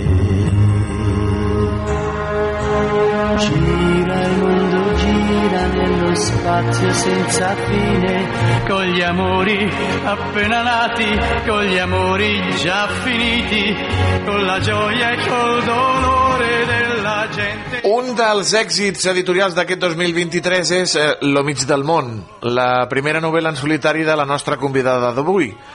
Filòloga, escriptora i activista social i cultural del Priorat, la Roser Bernet, que a banda també és presidenta del Centre Quim Soler del Molà i l'autora d'aquest gran bestseller Lo mig del món. La tenim a l'altre costat del fil telefònic i ara que ha rebut també el Premi Ciutat de Barcelona en català doncs eh, volem saludar-la i felicitar-la. Eh, Roser Bernet, molt bona tarda. Bona tarda. La pregunta del milió, senyor Bernet, senyor Bernet, on és lo mig del món? Depèn. Uh, diguéssim que objectivament és el Lloà. Però també diuen que pot ser que sigui en algun altre lloc. De fet, el mig del món és, és allà on volem que sigui. És una cosa de, de voluntat, també. No és només un fet eh, objectiu. El Lloar, el Molà, el Priorat, podríem dir que aquest és l'epicentre No. de, de... No, no necessàriament. Vull dir, eh, jo eh, dic per què? Perquè sóc d'aquí, si tu vols és el que reflecteixo més, però com te deia, el mig del món és allà on nosaltres decidim que mereix ser un, que per tant ens impliquem en tot el que passa i el que pot fer que sigui realment considerat el mig del món per la gent que l'habita. Mm -hmm. Diu vostè que lo lloc és la gent. Com és la gent del Priorat? Com és la gent que habita aquesta comarca?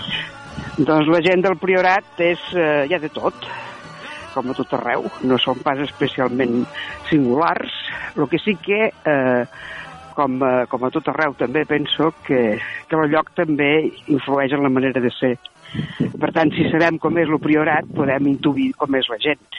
I si sabem com és la gent del priorat, podem intuir com és el priorat. És una relació, diguéssim, bidireccional, no? Nosaltres fem que el lloc sigui d'una manera o d'una altra i la manera de ser del lloc també ens configura en altres d'una manera o d'una altra. Perquè, clar, vostè en alguna ocasió inclús ha, ha explicat no, que el priorat potser està amenaçat però viu.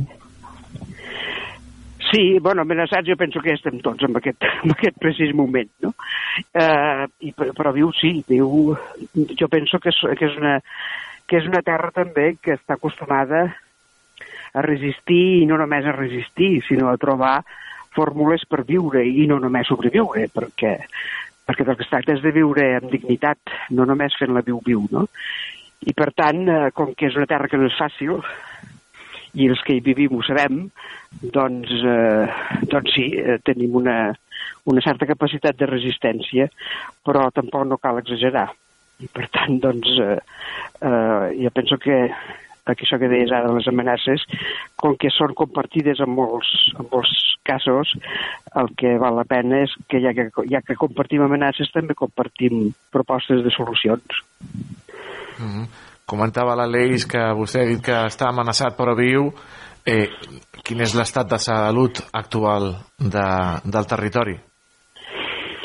Bé, l'estat de salut, doncs, eh, ja et deia, és, és, és, és, és complex perquè sempre les coses són més complexes de les que a vegades voldríem i del que a vegades ens fan, ens fan, fer, ens fan creure, no? És una, jo penso que el Priorat és una comarca que és molt diversa, que és molt complexa, vull dir que a vegades els tòpics ho redueixen tot a Priorat igual a Via, Vicar i totes aquestes coses, però si baixes la lupa doncs veus que Priorat és moltes altres coses i la seva complexitat, de fet, és la seva riquesa, però a la vegada també és la seva fragilitat, perquè és un lloc és un lloc petit, és un lloc que amb poc espai hi ha molt de tot, però a poc eh, i les coses petites avui en dia doncs, estan més amenaçades que les, que les grans perquè tenen menys, menys poder, diguéssim, no? I un dels problemes doncs, és que són pocs, són molt poca gent, no arribem a 18 habitants per quilòmetre quadrat, la població és envellida, el relleu generacional a la pagesia, que és bàsic al priorat, està amenaçat, eh, i com a tot arreu hi ha voltors que sobrevolen el cel per fer-se seu el que hauria de ser de la comunitat, diguéssim. No? Per tant, però ja et dic, això són amenaces que no només són el priorat. Eh, per exemple, la sequera és compartida per tots, el que passa que el que no és compartit, per exemple, és que en altres mos furtin l'aigua. Per tant, hi ha concrecions dintre d'aquesta amenaça o d'aquesta fragilitat que és més general i que és més compartida. -huh. Al llibre Lo mig del món vostè parla de eh, l'obligació de marxar de, del territori a causa de l'exili, eh, també de, de buscar-se les, les castanyes fora, el treballar eh, lluny de casa, però com és tornar a la terra? Com és tornar, senyora Bernet? Doncs a tornar també diria que depèn. Tornar, eh, si tens ganes de tornar, sempre és una bona decisió eh, per, sobretot si, si has marxat no perquè hagis volgut marxar, sinó perquè d'una manera o altra t'han expulsat. Eh, ja sigui per raons eh, polítiques, com econòmiques, com eh, del tipus que siguin, no? Per tant, si tu tens, eh, a la, jo, en el meu cas, la, la idea de tornar hi ha sigut des del primer dia, per tant, tornar sempre és una bona decisió, però sempre també és una decisió que no és fàcil perquè mentre tu no hi ets, el món no s'ha aturat, i el món vol dir que el programa tampoc no s'ha aturat, tu tampoc no t'has aturat, no t'has aturat, i després doncs cal re, refer tota una sèrie de coses, però és interessant perquè mentre tu no hi eres han passat coses que després tu has has has d'anar fent-te teues i a la vegada tu també has canviat, tu ja mires d'una altra manera, portes mirades a la maleta, que les escampes a l'hora de, de mirar, i això sempre és enriquidor. Per tant, les tornades són complicades, però són sempre enriquidores. I que un mai es banya dues vegades no al mateix riu.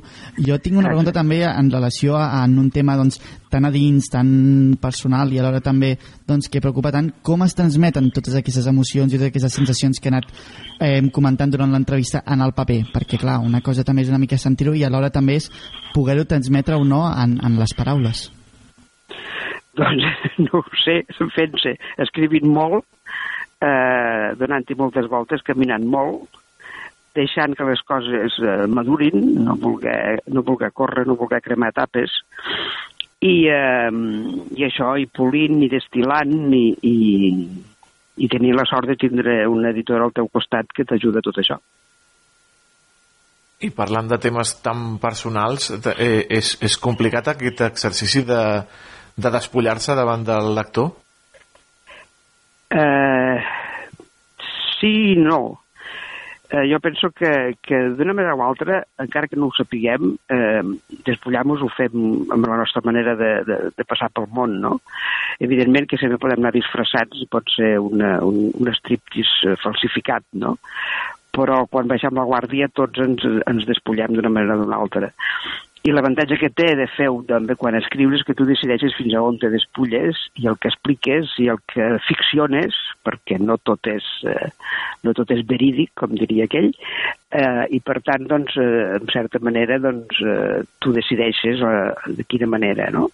I a més a més eh, d'això, eh, a part de decidir fins a on i el com, eh, és més fàcil perquè perquè bé, eh, la, el lector no saps ben bé qui és. Clar, ha, la gent que et coneix, eh, la gent que et coneix una mica pot, pot, pot eh, saber altres coses que potser no sabia i que li poden sorprendre. I la gent que no et coneix de res, doncs no passa res. Eh, però és, eh, no ho sé, és, és un exercici que en tot cas el que sí que m'ha sorprès és la, la diferent, les diferents lectures que, que he anat copsant eh, quan vaig per estos pobles doncs, a presentar-ho, a conversar-ho, a fer alguna tertúlia, i això sí que, que m'ha sorprès perquè eh, també és veritat que mentre ho feia no, no tenia en compte qui ho llegiria i com ho llegiria. I per tant, doncs, eh, potser si ho hagués tingut més en compte potser hauria, hauria frenat coses o no, o n'hauria explayat d'altres, no ho sé eh, en el fons no deixa de ser això la meva primera obra publicada, que no és pròpiament una novel·la, um, però per tant tampoc no tinc experiència en aquest sentit, però ha sortit així perquè havia de sortir així. Mm -hmm. Ha parlat vostè de les presentacions per diferents llocs. Eh, fa un parell de setmanes va estar per aquí per la selva del camp amb la sí. gent d'Ampel. Com va anar aquesta presentació? I a més a més hi va haver bon vinet, no, senyora Bernet? Hi va haver, hi va haver bon vinet, hi va haver bon formatge i sobretot hi va haver bona gent. Um, va anar molt bé. La veritat és que jo m'ho vaig passar molt bé, vaig sentir molt a gust, vaig veure gent, alguna gent que feia temps que no veia, vaig conèixer d'altres que, que no coneixia, vaig passejar per la selva, que feia molts anys que no hi anava, i eh, per tant tot va ser una experiència molt, molt, molt positiva. En general ho són, les, això de les, les torners aquestes, perquè bueno, és una manera de, això que deia abans, no? de, de conèixer de primera mà quin efecte ha fet tot, tot això que, que, que has escrit, no? I com que normalment, doncs, amb, amb la gent que ho faig, doncs, doncs és gent que també hi ha un, un interès, doncs eh, sempre el camí és més planer. Va anar molt bé la salva, sí.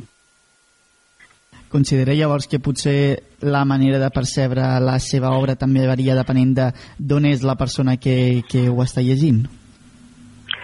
Uh, això no t'ho sabria dir perquè eh, jo crec que, a veure, és evident que, per exemple, per la gent del Priorat hi ha tota una sèrie de coses que, que, que els ressonen d'una determinada manera i per tant, doncs, eh, i, que, i que els, i, i, la resta de món mundial, per dir-ho així, dependrà, dependrà, de la, dependrà no només d'on és la persona en concret, sinó de la seva, la seva capacitat eh, o la seva empatia amb determinades coses que jo puc dir i que, per tant, si, si, hi, ha una, si hi ha una connexió doncs eh, la lectura serà d'una manera, l'altre dia també a la presentació Marçà ho dèiem, amb el Jordi Martí, que clar que, que la seva percepció és que és un llibre que té moltes capes i per tant vull dir doncs eh, eh cadascú es queda al nivell de capa o, o transita tots o només en queda amb alguns o, o, i per tant no és només des, des, de, des de quin lloc se llegeix, sinó des, de, des del moment, des de la teua pròpia experiència en relació al que allà, al que allà, eh, del que allà es parla, no? I, eh, per tant, és allò de tants caps, tants barrets, una mica. Recentment ha guanyat el Premi Ciutat de Barcelona, ha estat un llibre molt ben rebut pel públic i per la crítica, eh, les presentacions van estar, estan molt i molt bé. Eh, li sorprèn tot això, eh, senyora Bernet? Bueno, el primer que m'ha sorprès és que, tra que tractessis de bestseller. Però, a part d'això, eh, una, sí, una mica, una mica sí, perquè, bueno, tampoc no m'havia fet expectatives de cap mena.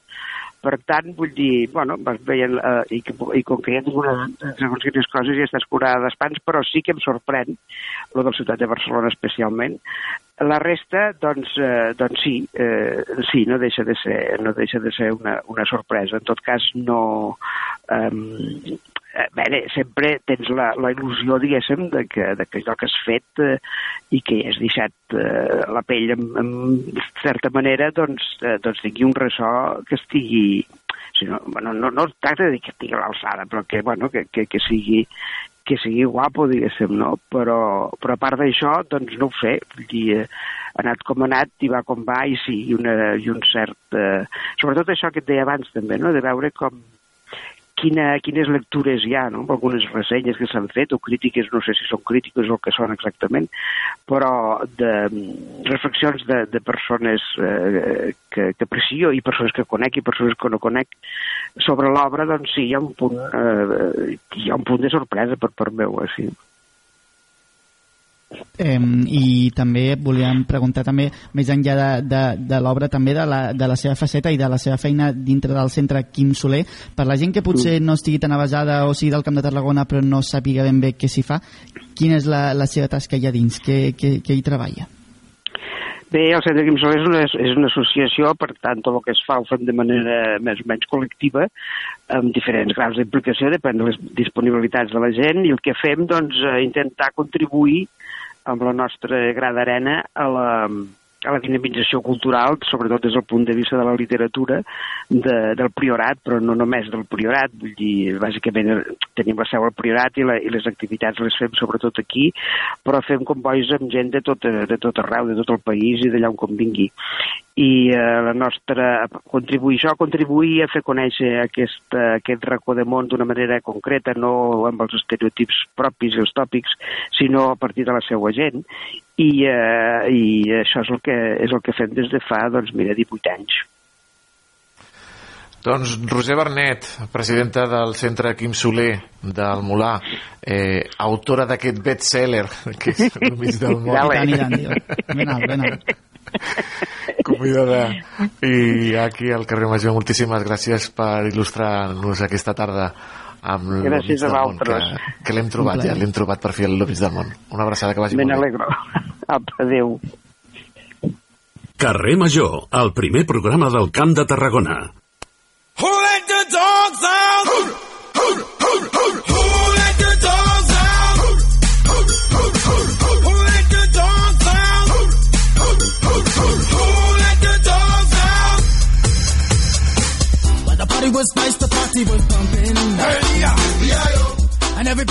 Aleix, Alen, atent, amic meu, per si et vols comprar un American Bully XL. Sí, tot just ara estava pensant-m'ho. Estaves pensant en Sí. comprar-te un gos més gran que tu. Què m'has de, què de dir llavors? Què m'has de dir? Des d'aquest mes de febrer és il·legal tenir aquest gos, l'American Bully XL, al Regne Unit. A no ser que sigui un gos que estigui xipat, identificat, assegurat i castrat. En cas contrari, el teu American Bully seria sacrificat. Aquesta mesura l'ha pres el propi mini, primer ministre, el Rishi Sunak, després de diversos atacs realitzats per aquests gossos que van causar la mort de dues persones l'any passat al país.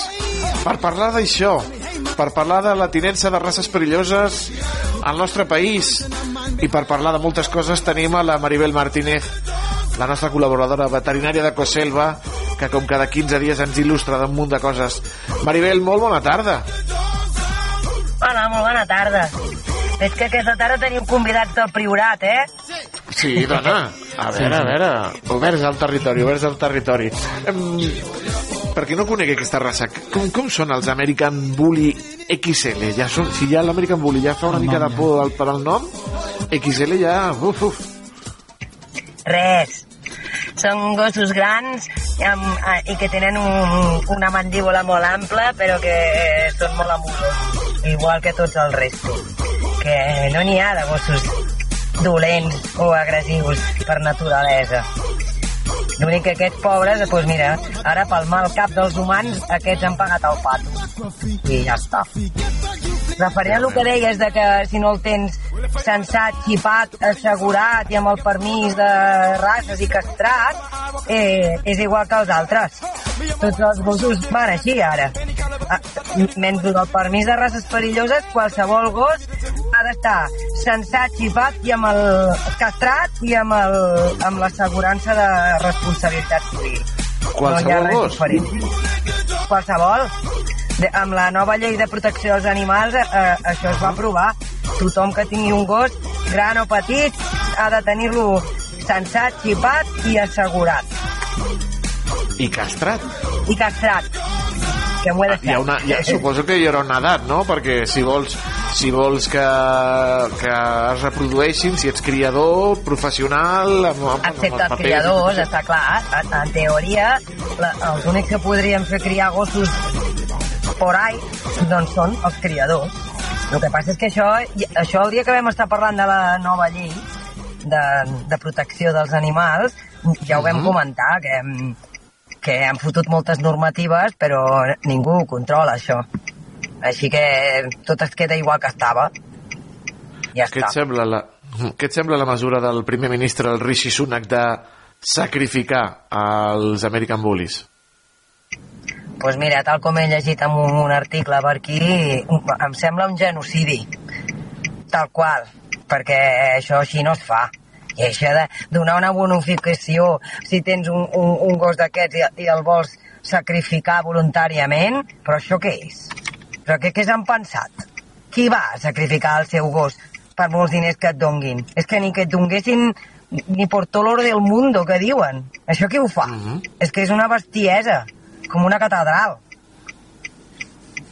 i a més també no, que aquest acte també té les seves conseqüències perquè si es fa aquesta obligació de sacrificar doncs també pot provocar molts abandonaments d'aquest animal no?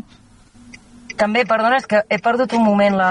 Sí, que pot haver-hi mo molts abandonaments i moltes situacions doncs, on, on, on inclús també doncs, es vegin que aquests gossos estan... Doncs, es fa l'efecte una mica... No? L'efecte crida i malauradament doncs, pot haver-hi més abandonaments. Bueno, l'espècie humana ja sabem com funciona, però, mm, però no cridem al mal temps. En principi, clar, que a més a més d'aquests gossos no n'hi no ha tantíssims, perquè és una raça relativament nova, que, que bueno, que l'han fet a partir d'unes quantes races d'aquestes, de crani gran i mandíbula ampla i, i, i amples d'aquí de, del tòrax. Són, són gossos que, de fet, són, són molt bonics, eh? Estètiques. Mhm. Bueno, clar, això t'han d'agradar, eh? També, també és Sí, veritat que hi ha sí, gent sí. que quan veu un gos d'aquests s'esgarrifa i no els hi agraden gens. Però realment són gossos que són molt macos i que ben criats i ben educats no tenen per què donar cap problema. El que passa és que, eh, que bueno, que mm, tristament a, vegades acaben en mans que no haurien i, i llavors la gent sembla que, que, que això jo amb, noies no ho he vist mai, eh, però hi ha paios que, que es medeixen pel gos que tenen. Llavors això és com molt trist, eh? És com molt trist. Molt. I, aquests pobres desgraciats, doncs pues, pues mira, ara hi ha hagut aquest incident i, i bueno, però tampoc surten gaire a les notícies quants pastors alemans es carreguen a, a persones o quants... I els pastors alemans no estan ni, ni, ni a la llista aquesta de races perilloses i, i també poden arribar a ser superagressius. És que qualsevol gos pot arribar a ser molt agressiu si no, si no s'educa correctament. Educar un gos, doncs en algunes races és tasca més relativament senzilla i en, i en altres doncs, costa una mica més i n'has de saber. I, I per això, segons quins gossos no, no haurien de caure en segons quines mans, perquè en comptes de millorar el problema l'empitjorem. I ja està, però un altre cop, qui ho controla, això? Uh -huh. Ja està. Que, la, el que parlàvem de, del nostre país, eh, com està la situació al nostre país amb les, amb les races perilloses? N'hi han moltes races perilloses, eh, Maribel? N'hi han, eh, es compleixen eh, les, les obligacions eh, per part dels, dels eh, propietaris? Eh, si vols que et digui la veritat, fins, fins a finals de l'any passat n'hi havia una llisteta. Eh, però llavors es dediquen a posar-ne i treure'n d'aquesta llista eh, en funció de no sé, no sé quins criteris, d'acord? Um, eh, en els que estan a la llista, llavors, hi, hi havia aquesta obligatorietat de treure's un, un certificat per tenir un, un, per poder ser propietari d'un gos d'aquestes races de la llisteta, i, però feia riure, eh? L'examen que et feien per, per poder-te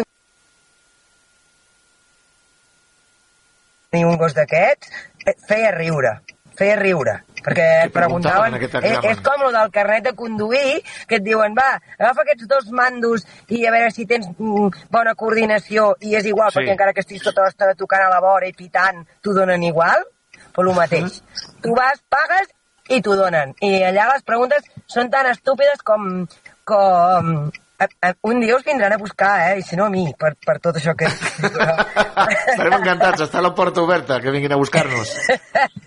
bueno, però és que aquest examen el vaig fer jo, ¿vale? I, i, i, i posava... Eh, ¿Tienes tendencias irritables y violentas cuando conduces? Coses d'aquestes. cuando conduzco. Co- Clar que has de dir, home, no, A la no, ràdio sí. si- Ah, soc cuando superdòcil. Coses d'aquestes. superdòcil. que dius, Bueno, ja sé, no?, el que tinc que contestar perquè em diguin que tot està bé i ja està, eh? és com molt... Bueno, una altra manera de, de gastar-te diners per no res que després amb, amb la nova normativa que van dir, bueno, pues ara només es podran criar els criadors que tinguin un número de fixa i un centre específic per criar gossos. Vale? Això està molt bé, però com fas que el resto no ho facin, no ho criïn? O oh, sí, hem obligat l'obligatorietat de que estiguin castrats, vale? però qui ho controla, això? Com ho fas? Sí, sí. Fes les coses ben No, no. fetes. No hi haurà No no sé. inspectors pel carrer preguntant-te si el teu boxer està capat o no està capat. O si no n'hi ha ni tan sols preguntant-te si porta el microchip, que és una cosa que No, no. fot més de 20 anys que funciona i encara hi ha un fotimer de gossos que no estan identificats. Imagina't, fes les coses ben fetes. Però bueno, ja està. Va així, això. Clar, o, o fes una normativa que s'adequi no, a les teves capacitats. Si no ets capaç de eh, dur a terme aquest control, doncs fes-ho d'una altra manera. Jo no sé de quina manera, i tampoc em pertoca a mi ni al col·lectiu de veterinaris, però, però ostres, els que es dediquen a pensar aquestes coses que s'hi dediquin i que ho facin bé, perquè fins avui, mira que bé que va, que, que llavors hi ha un incident d'aquests tràgics i ara resulta que aquest primer ministre, que això s'encomanarà eh, al resto d'Europa, que, que Sí, ja França ho veuràs. està estudiant, eh? Ja veus?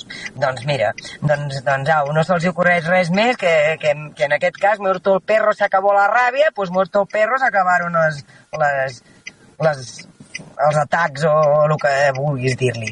I llavors en sortirà qualsevol altre i al final què farem? Matar-los a tots? És que no, no, això així no es fa. Ja està. Aquests, Estic aquests una mica dies hi ha- indignada, eh, jo, amb això. Molt... que no... Aquests dies hi han hagut manifestacions a favor d'aquesta d'aquesta raça dels American Bully XL que deien que, bueno, que sacrificar el gos, com ha dit la, la, la Maribel, és que és sacrificar a un membre de la família, és que són part de la seva família. que perquè tingui aquesta raça no té per què ser agressiu ni res. Ara, que, que vigilin els que els compren o, o, o els que els fan criar i, i que els seleccionin que, que estiguin bé, perquè, perquè estic segura que, el, que, que ja n'hi deu haver d'aquests pirats que, que agafen els exemplars més agressius i els exemplars més, més, més poderosos a nivell de mandíbula i tot i, i reprodueixen aquells per tenir gossos més, més potents i més agressius. Home, mm, mm, doncs que vagin a buscar a qui toca i que no facin sacrificar el- els pobrets que tenen a les cases. I ja està. Mhm. Doncs aquesta és l'opinió, les paraules de la nostra veterinària del carrer Major, la Maribel Martínez, que com cada 15 dies ens acompanya aquí a, al carrer Major per il·lustrar-nos de l'actualitat i de les notícies del món animal i resoldre tots els nostres dubtes. Maribel, com sempre, una abraçada. Moltíssimes gràcies per acompanyar-nos un cop més aquí al carrer Major. Gràcies a vosaltres. I, a veure, fins d'aquí 15 dies. I que visca, i que visca els American Bullies. que visca, que visca, que són molt macos. Una abraçada. Vinga, adéu-siau. que vagi molt bé. Adéu-siau.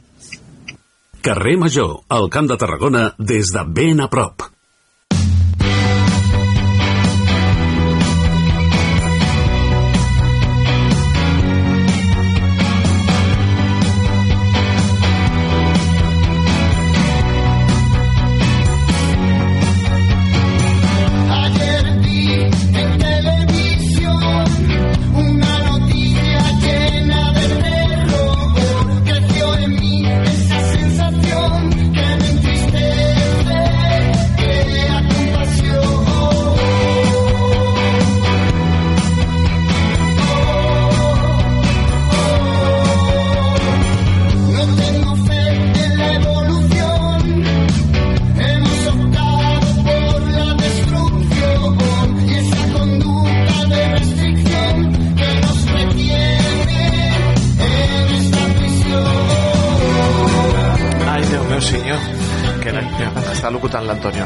Està entrant als estudis de- d'aquí de, la Ràdio La Selva, que el teníem locutant.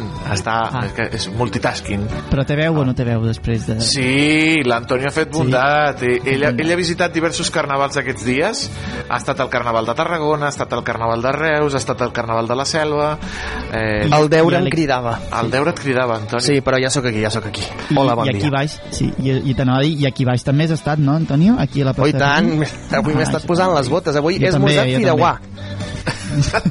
Mira. hi ha uns ous trencats. Ai, mira que bé, eh? A les 11 del matí amb la fideuà a la panxa tant. és una cosa curiosa, no?, que només passa al Carnaval de Reus. És veritat, és veritat. Com estàs, Antonio?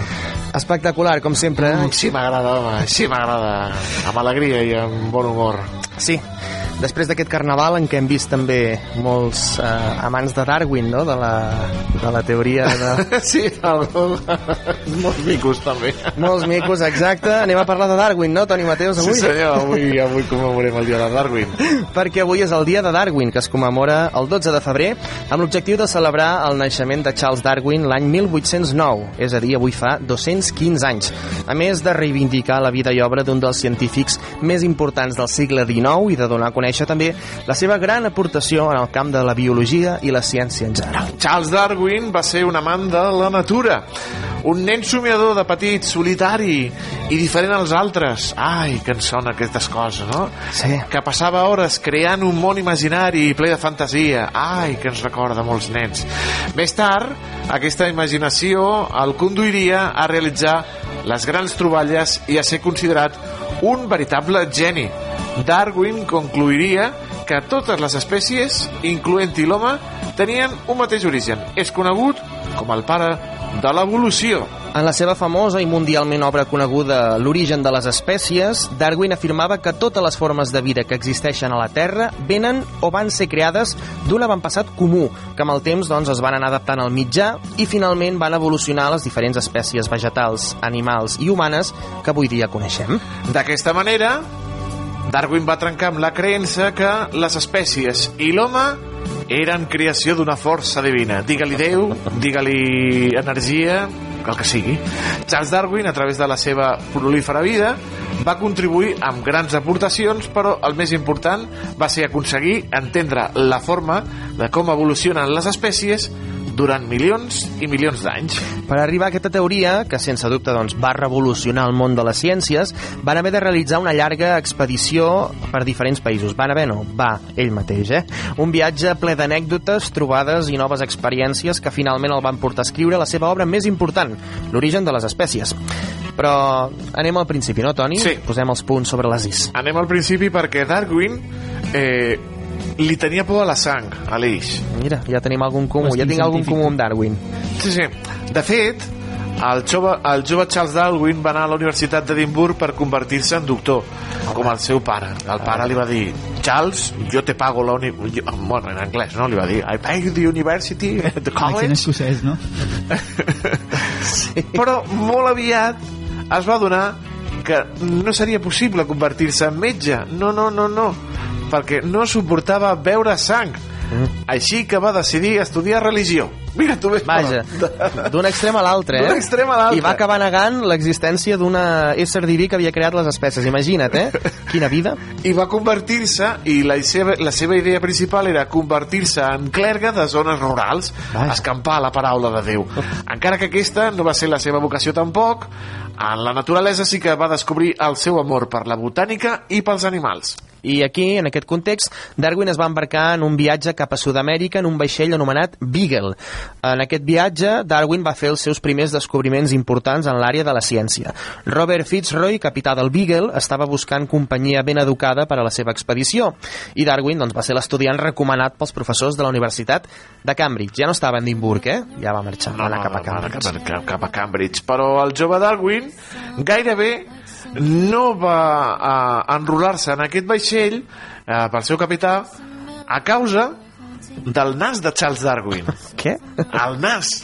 El capità Fitzroy creia que es podia jutjar el caràcter d'un home a través dels trets de la seva cara especialment en el seu nas. I resulta que al capità no li agradava el nas de Charles Darwin i dubtava que algú amb la forma del nas que tenia ell pogués tenir suficient energia i determinació per al viatge. Vaja. Però després de parlar amb el jove es van convèncer de, en cas contrari i va dir, vinga va, puja a mi barca. I durant el seu viatge, quan Darwin va fer 25 anys a bord, el capità Fitzroy li va regalar a Darwin una muntanya. Hòstia! Sí, sí, una muntanya, eh? eh que, mira, un regalazo, no? Jo he vist d'illes, però muntanyes, de moment, no n'he vist Sí? regalar a ningú, eh? Et regali una muntanya a l'Eix? Sí, sí, mira, eh, el regal consistia en nomenar una muntanya Mont Darwin. Doncs aquest és el cim més alt de la Terra del Foc, un arxipèlag entre l'Argentina i Xile, i com si aquest regal no fos suficient, existeixen tres muntanyes més amb el nom de Darwin, situades a Califòrnia, a Tasmània i a l'Antàrtica. Mira tu, durant la seva vida i les seves investigacions sobre l'evolució de les espècies, Darwin doncs, va dir, "Mm, si he de conèixer les espècies, me les menjaré. I va menjar, alerta amb això, Aleix, va menjar-se mussols, armadillos, un puma i un ocell similar als estruços nomenat ria. A les Illes Galàpagos va menjar iguanes i tortugues gegants i li van agradar tant les tortugues gegants que va embarcar 48 exemplars com a menjar pel seu viatge de retorn al vaixell Beagle per si li entrava una mica de gusa doncs mira, nyam, nyam, nyam, me menjo una tortuga Darwin era un home molt religiós quan va començar el seu viatge a bord del Beagle, però alguna cosa va succeir en aquesta travessia quan doncs, que li va fer canviar de sobte d'opinió. En primer lloc, Darwin va veure l'esclavitud i les condicions de pobresa a la qual vivien els nadius a la Terra del Foc i es preguntava doncs, com Déu permetia que succeïssin aquestes crueltats. Darwin es va casar amb la seva cosina després de fer un llistat de pros i de contres sobre el matrimoni que es va trobar i va dir, doncs mira, i casar-se amb la cosina també. pros. Sí, sí, no sé quin- quins pros més devia trobar-hi. Ah, però bé. exacte. Però hi va haver un fet, eh, com ha dit l'Antonio, que sí que el va fer perdre la fe eh, per complet. I és que va ser quan la seva filla Annie va tenir la febre escarlatina i es va morir als 10 anys. Aquí, a partir d'aquell moment, Charles Darwin es va considerar a si mateix com a un agnòstic, no pas com a ateu, sinó com a agnòstic. Quan Darwin va publicar la seva teoria de l'evolució, l'Església, doncs, òbviament, van atacar-lo fortament, ja que posava en dubte la teoria de la creació. Van atacar molt durament a Darwin i van posar en dubte els seus estudis i el seu treball científic. Ah, ens ha creat nostre senyor, allà al paradiso. Sí. 130 anys després de la seva mort, l'Església d'Anglaterra va demanar disculpes públiques a Charles Darwin. La institució religiosa va publicar un comunicat en el qual es penedien d'haver entès malament l'obra de Darwin. També diu que se'n penedeixen d'haver causat una mala reputació al científic doncs posant en dubte el, els seus estudis. Però 130 anys després, Toni, si aquest home ja, pobret... Bueno, va, va evoluc ha evolucionat Charles Darwin, ara és pols. Sí, pols al vent. Dust in the wind. Dust in the wind. doncs mira, avui, estimat Aleix, 12 de febrer, se celebra aquest dia de Darwin per commemorar el 215 aniversari del seu naixement. Déu-n'hi-do, eh? Mm. Doncs a mi, si em permeteu, jo em quedo amb lo del nas, eh? És lo més fort, és lo més fort que d'això. El nas de L'heu tatuat Darwin. l'horòscop, eh? L'heu tatuat l'horòscop i, de, i, de, i de la gent que et jutja a partir de l'horòscop, pitjor pel nas, eh? Pitjor pel nas. Home, jo de fet, em sembla que la, la imatge de perfil del, del, del Darwin és famosa, no? És famosa, sí, sí. O és efecte Mandela, això? Existeix, jo diria, eh? Que se li veu un nasot, sí, sí. un no? nasot, doncs mira, no, no se'n refiava el, el senyor, el capità Fitzroy. De que sí que ens en refiem som de les paraules que ens porta l'Antonio Mellado. I tant, home, i tant, i tant. Gràcies. Igualment, Toni, ens veiem dimecres. Dimecres, dimecres. Una abraçada. Adeu. Adeu, adeu.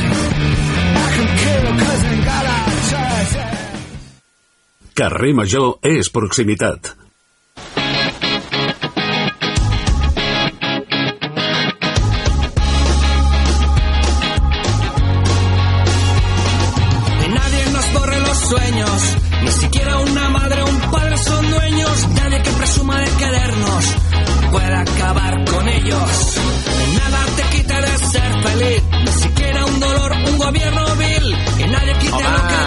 Mica d'esca eh, sí, em, em, em, em pesa el cos, eh?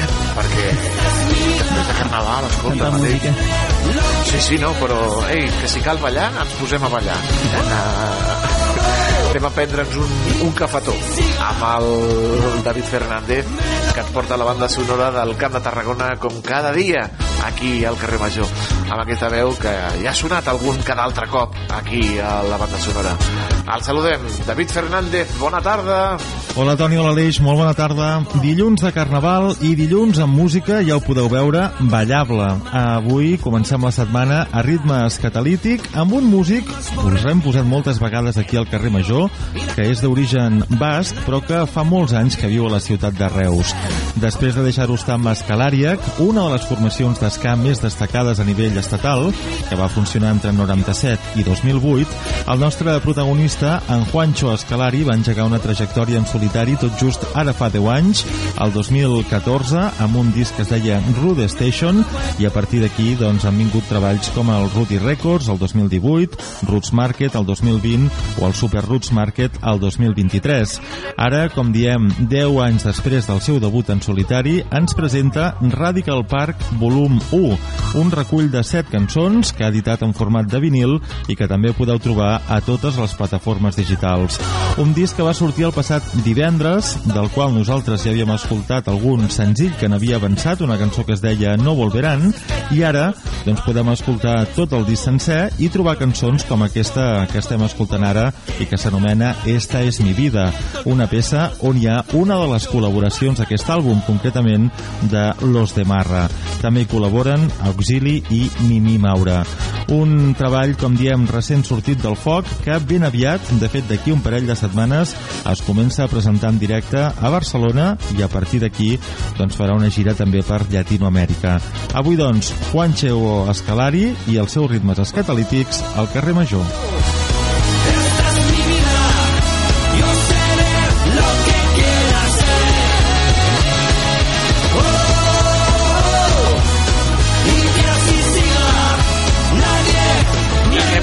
Visca, l'esca un, dos, un, dos, tres ja s'ha acabat la cançó, veus que bé? Eh, Juancho Escalari, que sempre, sempre en el nostre equip, en l'equip del carrer Major i sempre, sempre en el nostre equip sí. qui? Que, que la Cristina? Molt bé! Ei, un dia fallaré, un dia diré, un dia diré el Iago i... M'agrada posar un... El Iago sempre al nostre equip. També. I tant que sí, eh? La Cristina Artacho, que amb la seva furgoneta avui s'ha anat fins al rugby. Sí, sí, sí. A peu Sí, de gespa, a peu de gespa. Ahir van guanyar els Chiefs en futbol americà. Avui toca parlar de rugby amb la furgoneta de la Cristina Artacho aquí al carrer Major. La saludem, que està molt ben acompanyada. Cristina Artacho, molt bona tarda. Benvinguts un dia més aquí a la Furgo. Avui comencem la setmana movent-nos amb esport, com ha de ser, una Furgo esportiva i sobre un esport minoritari, i és el rugby, perquè Tarragona s'acaba d'inaugurar o entra en funcionament avui el camp de rugby després de patir unes obres. Eh, per parlar-ne m'acompanyen per una banda el conseller d'Esports de l'Ajuntament de Tarragona, Berni Álvarez, molt bona tarda. Bona tarda. I per altra banda, el president del Club de Rugby de Tarragona, Matías Segura, molt bona tarda. Hola, buenas. Uh, Berni, no sé si ens pots concretar uh, el detall uh, de l'obra, quant de temps han estat aquestes obres i que per fi són una realitat, un reclam de fa molts anys del club. Sí, és una reclamació històrica. Eh, sempre hi havia hagut una certa voluntat, però mai s'havia trobat la manera de com, com poder vehicular per tenir un camp, un camp de rugby en condicions.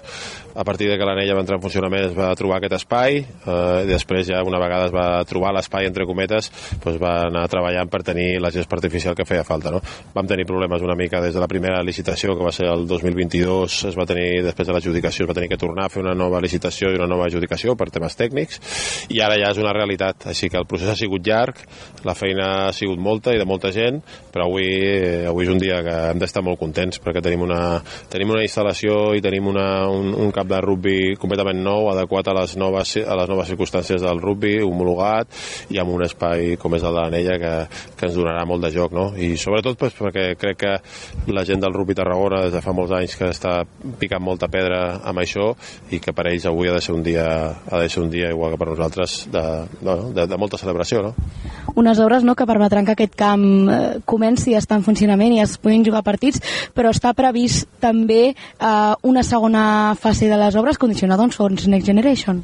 Sí, eh, el que està clar és que nosaltres eh, amb la part tècnica del camp era una, evidentment era una urgència, l'hem fet i ara el que ens toca és adequar també tot el que més, no? el tema dels vestidors que, que, que parlàvem, el que vam fet és lligar un Next Generation que ens ha de donar resposta que som optimistes, però nosaltres la part que ens toca com a Ajuntament de ficar els diners ja l'hem ficat i que volem ficar tant uns vestidors d'obra grans i, i unes grades que ens serviran doncs, perquè l'estadi ja quedi d'una manera definitiva com, com un espai exemplar dintre del que és la província i segurament Catalunya com a camp de rugby. No? Així que aquest és el full de ruta que ens hem marcat ara pels propers mesos, esperant la resposta del Consejo Superior de Deportes, però que estem, som optimistes. No sé si pot detallar el pressupost tant d'aquesta primera fase com de la segona fase que encara eh, està a preveure. El que és la gespa artificial, tot, tot, tot va pujar una miqueta més dels 400.000 euros i el que és la part aquesta dels Next Generation, el projecte total de vestidors i grades són 880.000 euros, si no m'equivoco exactament, i nosaltres, la part que li toca a Ajuntament, que ja han ficat els pressupostos aquest any, són 220 i pico mil euros que ja estan ficats. Una vegada tinguem l'hoquei okay, i, i el Consejo Superior de Deportes ens faci aquesta, aquesta la part que toca, doncs tindrem un pla d'execució suposo que fins a final del 2025 i aquesta és la, la idea, no? que a finals del 2025 estigui tot operatiu. Y me voy a cap aquí amb el Matías. Matías, buenas tardes. Eh, ¿Qué supone para el club de rugby, no? que si no me está activo desde el 86, por fin tener esta instalación municipal? Bueno, como decía anteriormente, es un punto de inflexión, un punto de inflexión eh, para el crecimiento de nuestro deporte, eh, para el crecimiento de nuestro club y, y, para mejorar la práctica. Si estuvimos eh, compitiendo y, y, trabajando y haciendo crecer el club durante todo este tiempo sin tener un campo en condiciones, pues ahora será el momento de crecer aún más. Es decir, felices de, de tener este campo muy felices, muy contentos y por suerte nos toca a nosotros recibir el, el campo, eh, el nuevo campo, pero este es un trabajo y una reivindicación y, y darse eh, golpes en la cabeza de muchos presidentes anteriores, de mucha directiva, de muchos socios y de toda la gente que colaboró en el, con el club durante todo este tiempo. Si no me equivoco, la actividad de, del campo empezará hoy mismo. No sé eh, cuántos equipos entrenarán aquí, si se usará todos los días, si se jugarán también los partidos en fines de semana. Sí, sí, utilizaremos, eh, de hecho, hoy entrena sub 14, sub 16, sub 18, eh, mañana entrena seniors y escuela. Eh, el miércoles entrenan veteranos y también sub 14, 16, 18, o sea, todos los días estaremos utilizando el campo. Y los fines de semana los, las competiciones. ¿Cree que puede influir el hecho de tener unas instalaciones a estrenar eh, que más niños y más niñas se sumen a este deporte que es minoritario o al menos aquí en Cataluña no es muy popular? Bueno, poco a poco nos estamos haciendo el hueco y cada vez se está conociendo más el rugby y el objetivo creo de que de todos los clubes es que eh, nuestro deporte sea más conocido y más popular.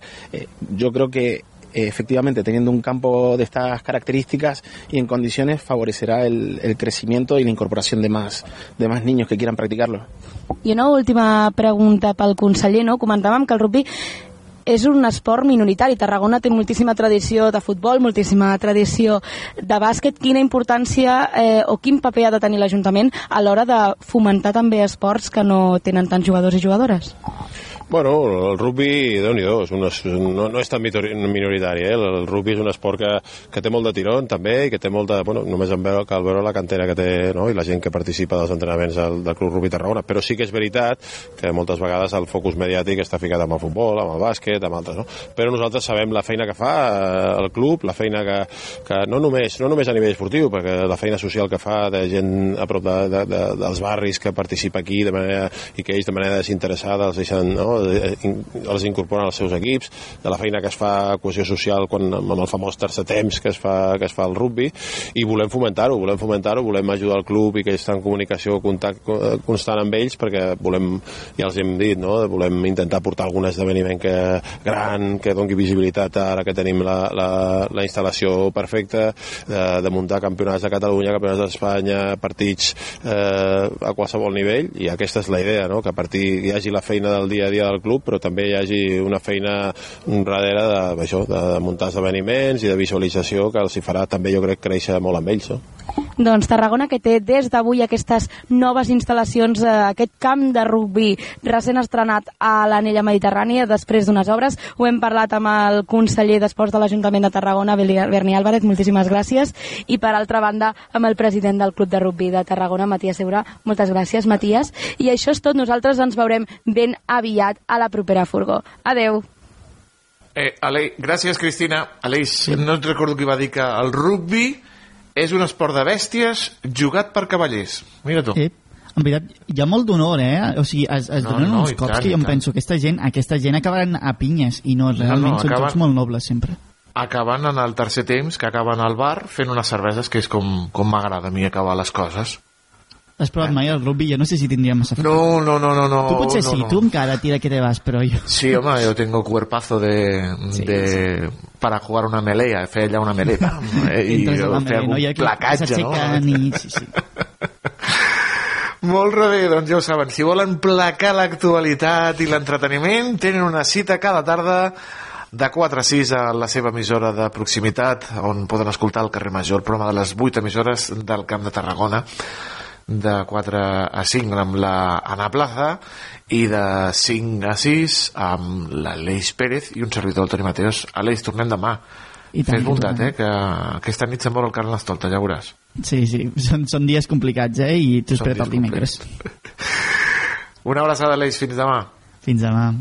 I nosaltres, ja ho saben, tornem aquí al carrer Major demà a partir de les 4 a la seva, com hem dit, emissora de confiança. Les 8 del territori que fem possible aquest programa juntament amb la xarxa. Que vagi molt bé. Fins demà. Bona tarda.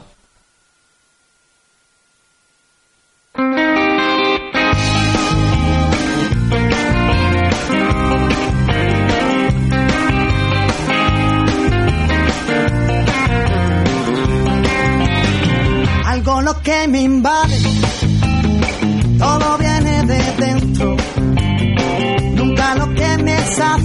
siempre quiero lo hambriento, todo me queda grande para no estar contigo, sabes quisiera darte siempre un poco más de lo que te pido, sabes que soñaré si no estás que me despierto contigo. Sabes que quiero más. No sé vivir solo con cinco sentidos. Este mar cada vez guarda más barcos hundidos.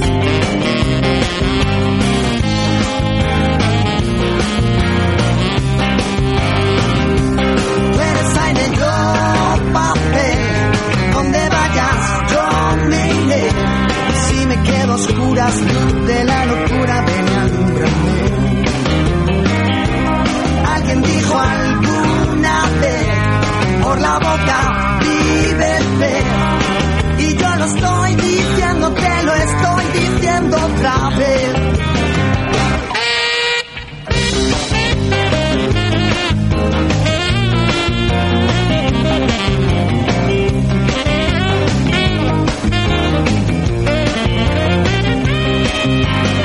Dime por qué preguntas cuánto te he echado de menos. Si en cada canción escribo corazón eres tú el acento. No quiero estrella errante, no quiero ver la aurora. Quiero mirar tus ojos del color de la Coca-Cola. Sabes que soñaré si no estás que me despierto contigo. Sabes que quiero más, no sé vivir solo con cinco sentidos. Este mar cada vez guarda más barcos.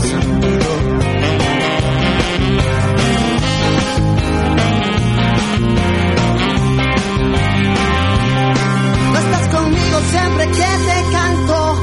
Hago canciones para estar contigo. Porque escribo igual que sangro. Porque sangro todo lo que escribo. Me he dado cuenta cada